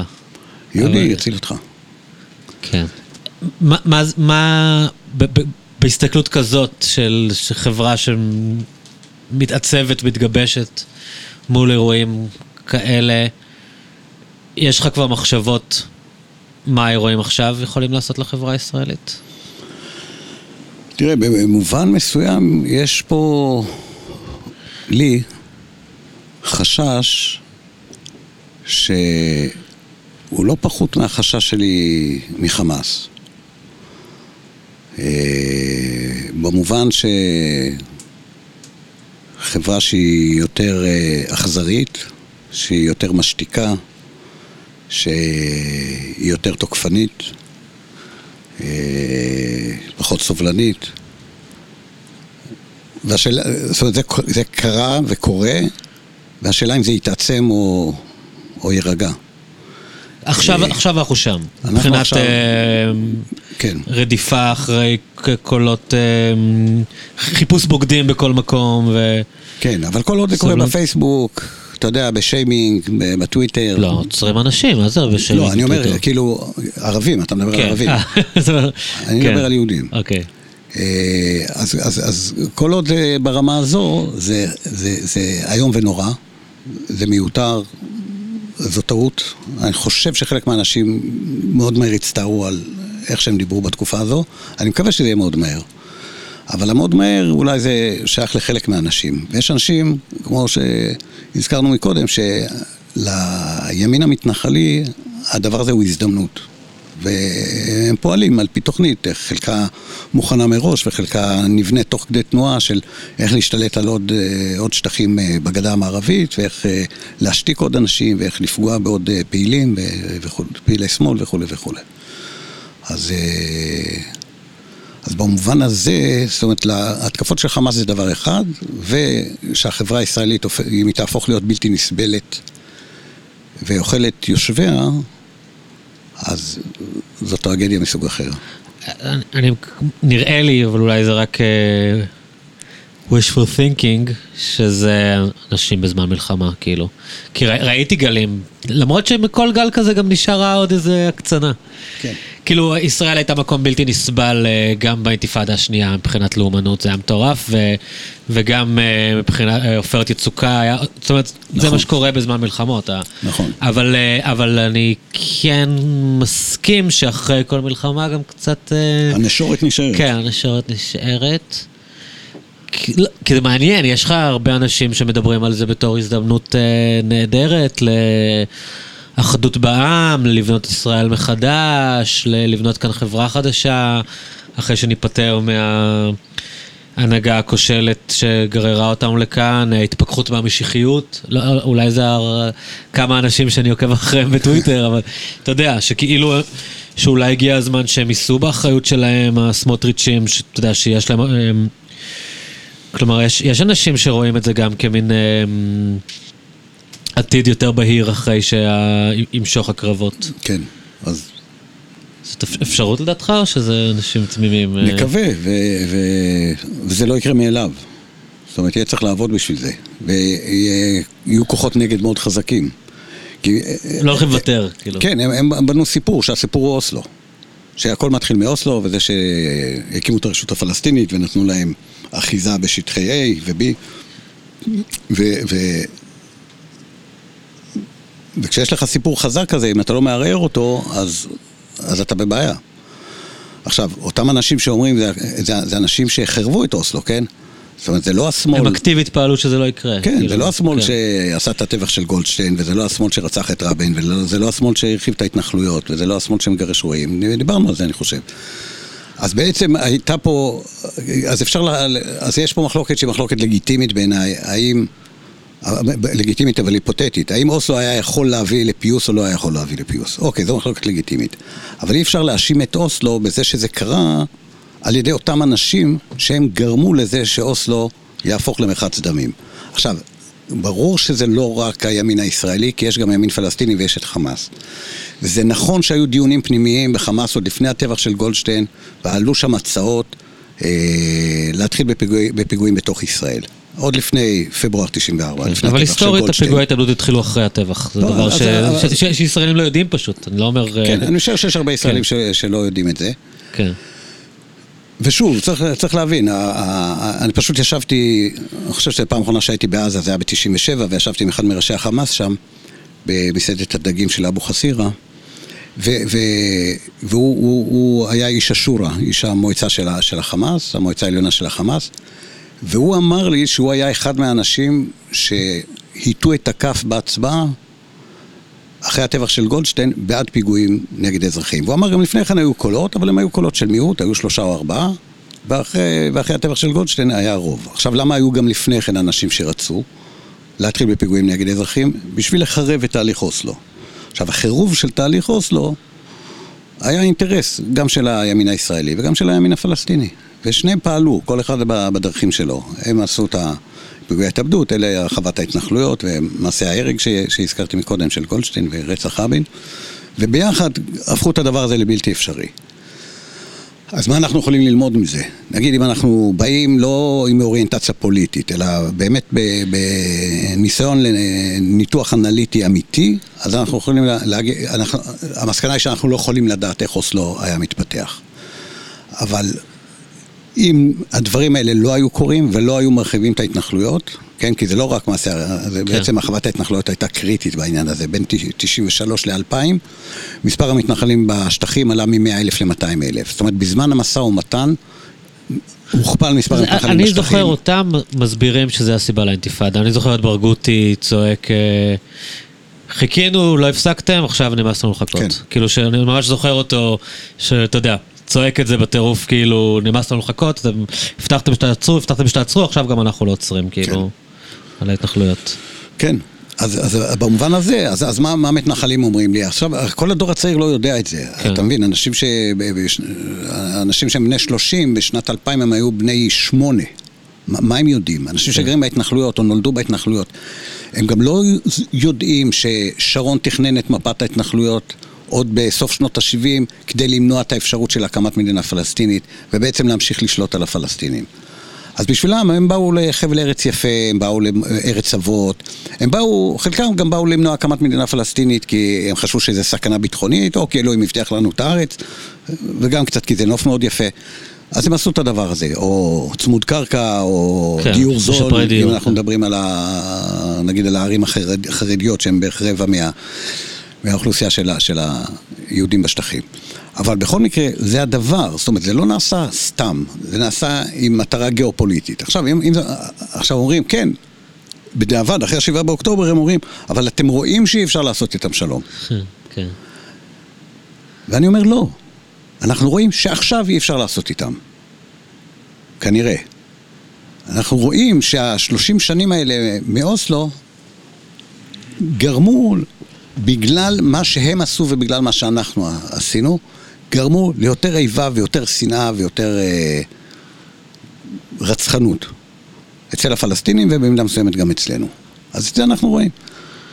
מה היה קורה בלי? אתם מוכנים לבדוק את עצמכם? אולי, אולי טעיתם?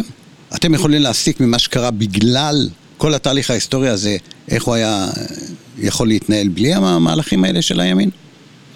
אז את החשבון נפש הזה, אני חושב שכמעט אף אחד בימין לא עושה.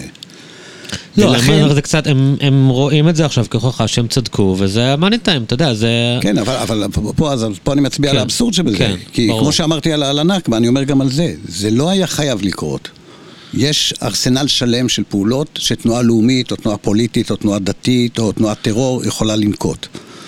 ואיזה כלי היא בוחרת נובע גם, גם מהמעשים של הצד השני. ואי אפשר להתעלם מזה. זה פשוט לא נכון להתעלם מזה.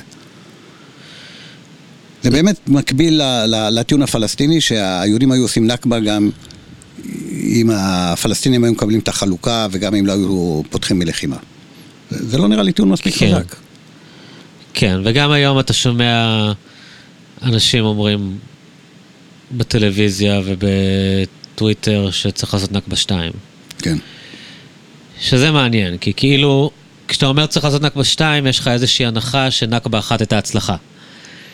ואתה כן. לא מבין שכל מה שקורה זה נכבה אחת. כאילו, זאת אומרת, לא, זה הטרור לא- הפלסטיני הוא תוצר של... או- או- אוקיי, כן, אתה לא באדם טוב לה- להגיד מולו בביטחון אמירות כאלה, לא, אבל כן, אבל לא אנחנו מספיק. חיים את ההשלכות של נכבה אחת, זה כאילו. ברור, זה כן. ברור, אבל הטענה היא לא עשינו את זה מספיק. הבנתי.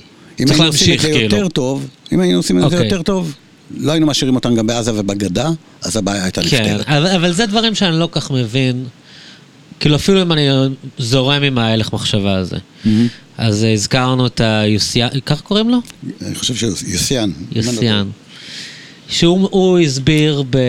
שלחו לי בוואטסאפ, הוא הסביר בפטריוטים שצריך אה, ל- לרסק את עזה עד רמה כזאת שיהיה שינוי תודעתי, כמו שהרוסים עשו לצ'צ'נים, אני לא בדיוק יודע מה קרה כן. בצ'צ'ניה, אז אני לא יודע אם זה, לא, לא בדיוק הבנתי את ההשוואה, אבל ברמה כזאת שבכלל ישנו את כל האופן שהם חושבים. ואני קצת כאילו אומר, אוקיי, נגיד אני, נגיד שאני מוכן ל... נגיד שאני בן אדם שאין לו שום עכבות מוסריות וזה לא מעניין אותו כמה אנשים אתה תהרוג, אבל... ואני זורם עם, ה... עם הכיוון הזה, אני באמת לא מבין איך זה אמור לעבוד, כי רעיונות איסלאמיסטיים יהיו קיימים בעולם, לא משנה מה תעשה בעזה. כאילו מישהו יגדל, הוא יקשיב למטיף סעודי, הוא יקשיב למטיף פקיסטני.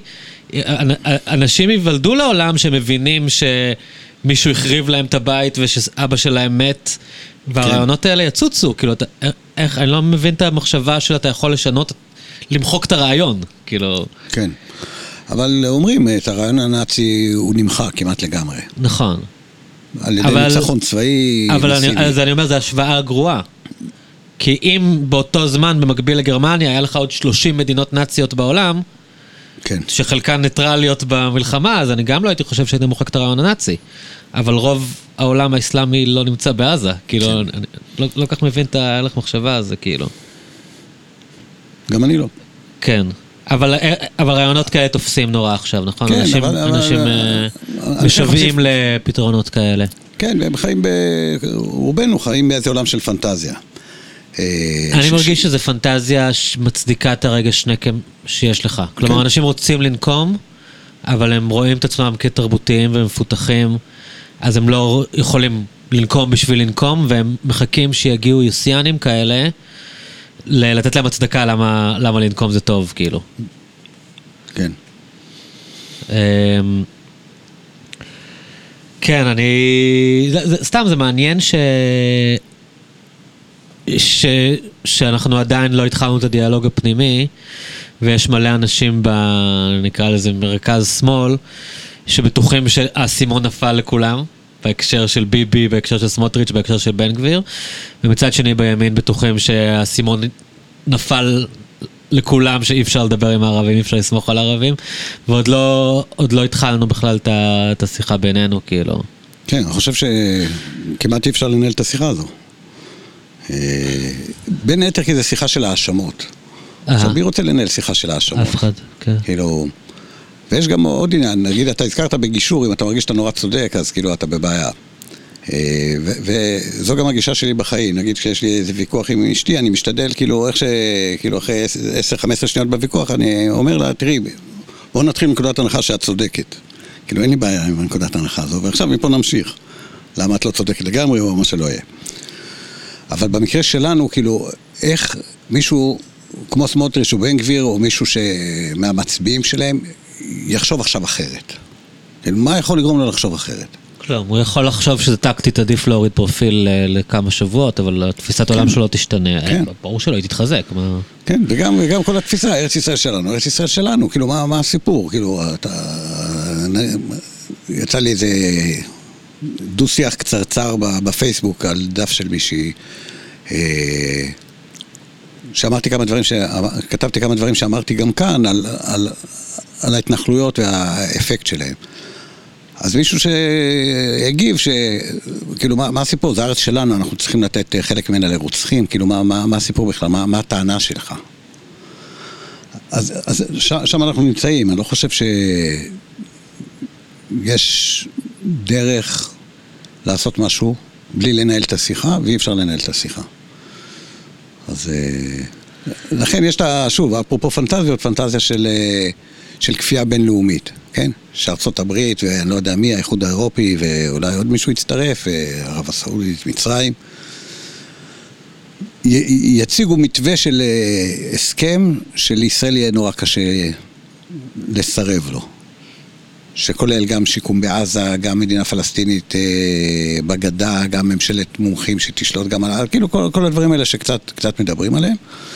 אז אם יהיה את הכוח הבינלאומי הזה וכולי וכולי, והתקציב הבינלאומי והמעורבות. כן, אבל אתה יודע איך זה ישראלים. הם אומרים כן וממסמסים. זה מאז ב-79, אתה יודע, מאז ומעולם, כאילו... כן, סבבה, אוקיי, אחלה מתווה. בוא, בוא, בוא, בוא נתחיל, מה שנקרא, נראה, נראה איך זה הולך, כאילו... כן. אה, כן, לא, זה סתם מעניין, היה לי איזה שבוע של אופטימיות, ועכשיו אני מדבר איתך ואני... אה, היה לך שבוע של אופטימיות. הייתה לי איזושהי מחשבה, קודם כל שביבי הולך, שזה התחלה הכרחית למשהו, כאילו. ו... כן, כן, שאיפשהו, אני לא יודע למה. זה אינסטינקט מעניין. עכשיו שאני מדבר איתך זה נשמע לי מופרך, כאילו. לי לא הייתה שנייה אחת של אופטימיות. כבר הרבה שנים, אגב. לא, אני מדבר ברצינות. לגבי שום דבר. תראה, מזמינים אותי להרצות בכל מיני מקומות. כן. הרבה פעמים במכינות ודברים כאלה. כאילו גם פורומים רשמיים, אני מדבר על המכינות, והרבה פעמים אומרים לי, אבל תגיד משהו אופטימי. אז באיזשהו שלב התחלתי להגיד, כבר כשמתקשרים אליי, להגיד, תשמעו, רק תדעו שאין לי שום דבר אופטימי להגיד, אז... ואני חושב שזה לא נכון שאני אדבר עם אנשים צעירים. כאילו, זה ממש בעיה, כי... כי כי איך יכול לצאת אה, משהו טוב מהחרא הזה? אבל עדיין יש איזה סוג של אמונה, אתה לא, יודע, אנחנו... לא, יש לך, אתה קורא את יאיר גולן בטוויטר, אתה יודע, אתה, כאילו יש, הייתה איזו הרגשה למיינסטרים הסאחי, המרכז שמאל, כאילו הנה, עכשיו כולם יראו, אתה יודע, דמויות כמו יאיר גולן ואמיר טיבון, וגם אה, התגלה פתאום שהאחים לנשק, אתה יודע, הם כאילו הטובים בעצם, והם המגנים האמיתיים של המדינה, ועכשיו כולם... אה, כן, אבל אתה יודע איך זה, זה בדיוק העניין של לראות מציאות רק מזווית אחת. אתה כן. יודע איך רואים את זה בימין. בימין רואים אחים בנשק. לא, אני אומר, לא- זה היה יותר מדי גם כן. לחשוב בשביל הימין, בתוך כל מה שעברנו, לחשוב גם איך הם חושבים. כן. אבל המזל שיש לי קצת אינטראקציה עם אנשי ימין, כדי מהר מאוד להבין שזה בכלל לא, כן, כן, אני כל הזמן, אנחנו לא שם בכלל, כאילו. אני כל הזמן קורא גם וגם וגם וגם. כן. אבל אתה חושב שהשיח הפנימי יחזור להיות אלים כמו שהוא היה? אלים כמו שהוא היה? הוא יהיה יותר? יותר אלים. כי זה יהפוך להיות מבוגד והכל יהיה סביב כן, מבוגד? כן. אה, אתה אומר זה יהיה ממש חרא, כאילו... לא, כי יש, יש איזשהו סנטימנט אצל אנשים שאומרים כאילו, אוקיי, ההפיכה השלטונית ירדה מהפרק. ובואו נבנה מחדש. כן. נגמור, נגמור עם החמאס ונבנה מחדש את החברה הישראלית. אה, אוקיי, אז עכשיו השאלה, השאלה היא פה עד כמה שוליים יכולים להשפיע על מרכז, כי אני חושב שיכול להיות שזה הסנטימנט של רוב הציבור הישראלי. כן. עכשיו יש לך את המוטרפים. והמוטרפים נותנים טון. המוטרפים הם אלה ש... בעצם הם אלה ש... הם אלה שיעמדו ויצעקו חבל שהנאצים לא גמרו אתכם, הם אלה שילכו וירביצו לחיילים, ירביצו לאירועים בבקעה. זאת אומרת, ואתה מכיר את הביטוי הסמל האסטרטגי, כן? מישהו בשטח שבעצם מבעיר את כל, ה, את כל הגזרה. ופה זה יותר מסמל אסטרטגי, הם כאילו מהווים איזה נקודת ייחוס להרבה מאוד אנשים. אז יש דברים שרוב האנשים ידחו, נגיד שוב, אני מצטער שאני חוזר על זה, נגיד העניין של אה, חבל שהנאצים לא גמרו אתכם, אז כאילו, לא, מתנחלים, בעיניהם זה לא יפה להגיד את זה, זה, כן. זה אספסוף ירושלמי. או תל אביבי, אני לא יודע אם יש את זה גם פה.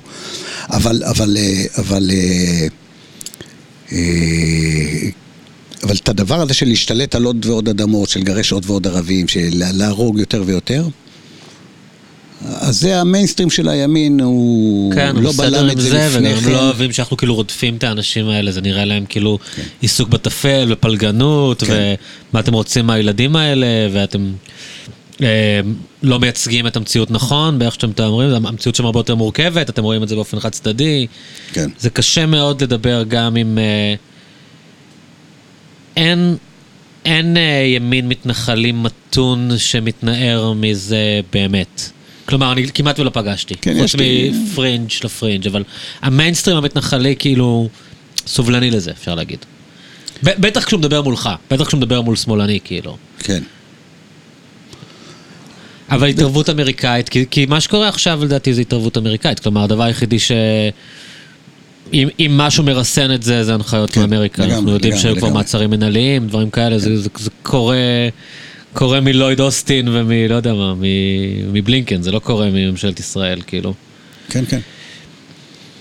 אה, טוב, בסדר, הצלחת לדכא אותי. למרות שכן, לא יודע למה... מה זה הנטייה האנושית הזאת לחשוב שאחרי זה יהיה משהו טוב. כאילו כנראה שזה ההישרדות שלנו, שבזכות כן, זה אנחנו. הגענו עד לכאן. זה הכרחי, גם אני מנסה לחשוב ככה. ואני חושב שיש סיכוי שיהיה טוב.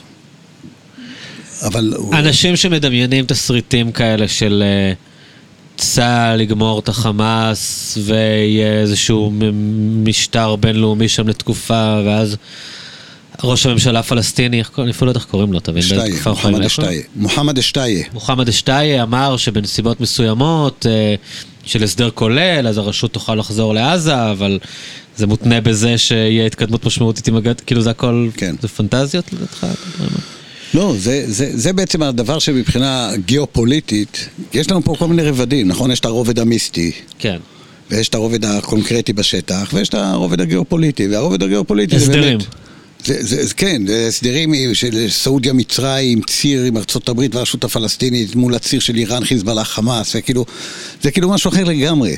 שלא כאילו, קשור לחיים של האנשים בהכרח. כאילו לא קשור לחיים של אנשים, אבל הוא משפיע על החיים של אנשים. אז אה, זאת אומרת, יש השפעה הדדית, אבל, אבל אה, ככה זה עובד. אז לכן במובן הזה, זה משהו שיהיה מאוד אה, מלמעלה למטה, ולא, אתה יודע, בוטום אפ. גראס רוט, צמיחה. מהשטח, של הנה אנחנו נפגשים באבו תור, יהודים ופלסטינים, ואנחנו שלום בין האנשים. גולים ש... רואים שאפשר לחיות ביחד, וזה הולך ומתפשט, ואז אנחנו אומרים לממשלה, תראו, כולנו חברים, נשים עושות שלום, ודברים מהסוג הזה. ופה זה משהו אחר לגמרי, כן, אנחנו בעצם, כל הסיפור ההיסטורי, העניין הגיאופוליטי אומר לנו עוד דבר, הוא אומר, כל הסיפור ההיסטורי זה חרטא. כאילו קולוניאליזם, לא קולוניאליזם, תנ"ך, קוראן, כל זה, זה, זה, זה כבר לא רלוונטי. אתם יכולים לריב על זה, אבל בעצם... אתם עכשיו פיונים במשחק אחר לגמרי. אז החמאס מלמד מה שהוא מלמד בגלל שזה אינטרס כזה וכזה, וה... אבל בגדול, עכשיו אנחנו בעידן של, יש לנו את הודו ו... וציר דרך סעודיה, ומטוסים ישראלים שכבר טסים מעל סעודיה, ועכשיו צינור מפה נפט. גלובלית חדשה שצריך כן, להתאים צינור אליה. נפט שצריך להגיע ל... לים התיכון, וכאילו, אכפת לנו מה כתוב בברית בין הבתרים עכשיו? לזרעך אתן את כמו הארץ הזו? ששרטטנו את המפה של המזרח התיכון בסקס פיקו, אז אנחנו באים עוד פעם ונשרטט אבל עם לכם יותר עכשיו. שכל. כן. יותר שכל. כי לא, אבל אני אומר, לפי אותו. היגיון שבסוף אתם לא כאלה רלוונטיים לשאלות הגדולות, כאילו. כן. אתם צריכים להתיישר לפי מה ש... כן. אבל עכשיו עם ידיעה שאם אתה לא מתחשב בכלל, אז זה מתפוצץ לך בפרצוף. כן. אז עושים את זה אחרת, עושים את זה עם שיתוף.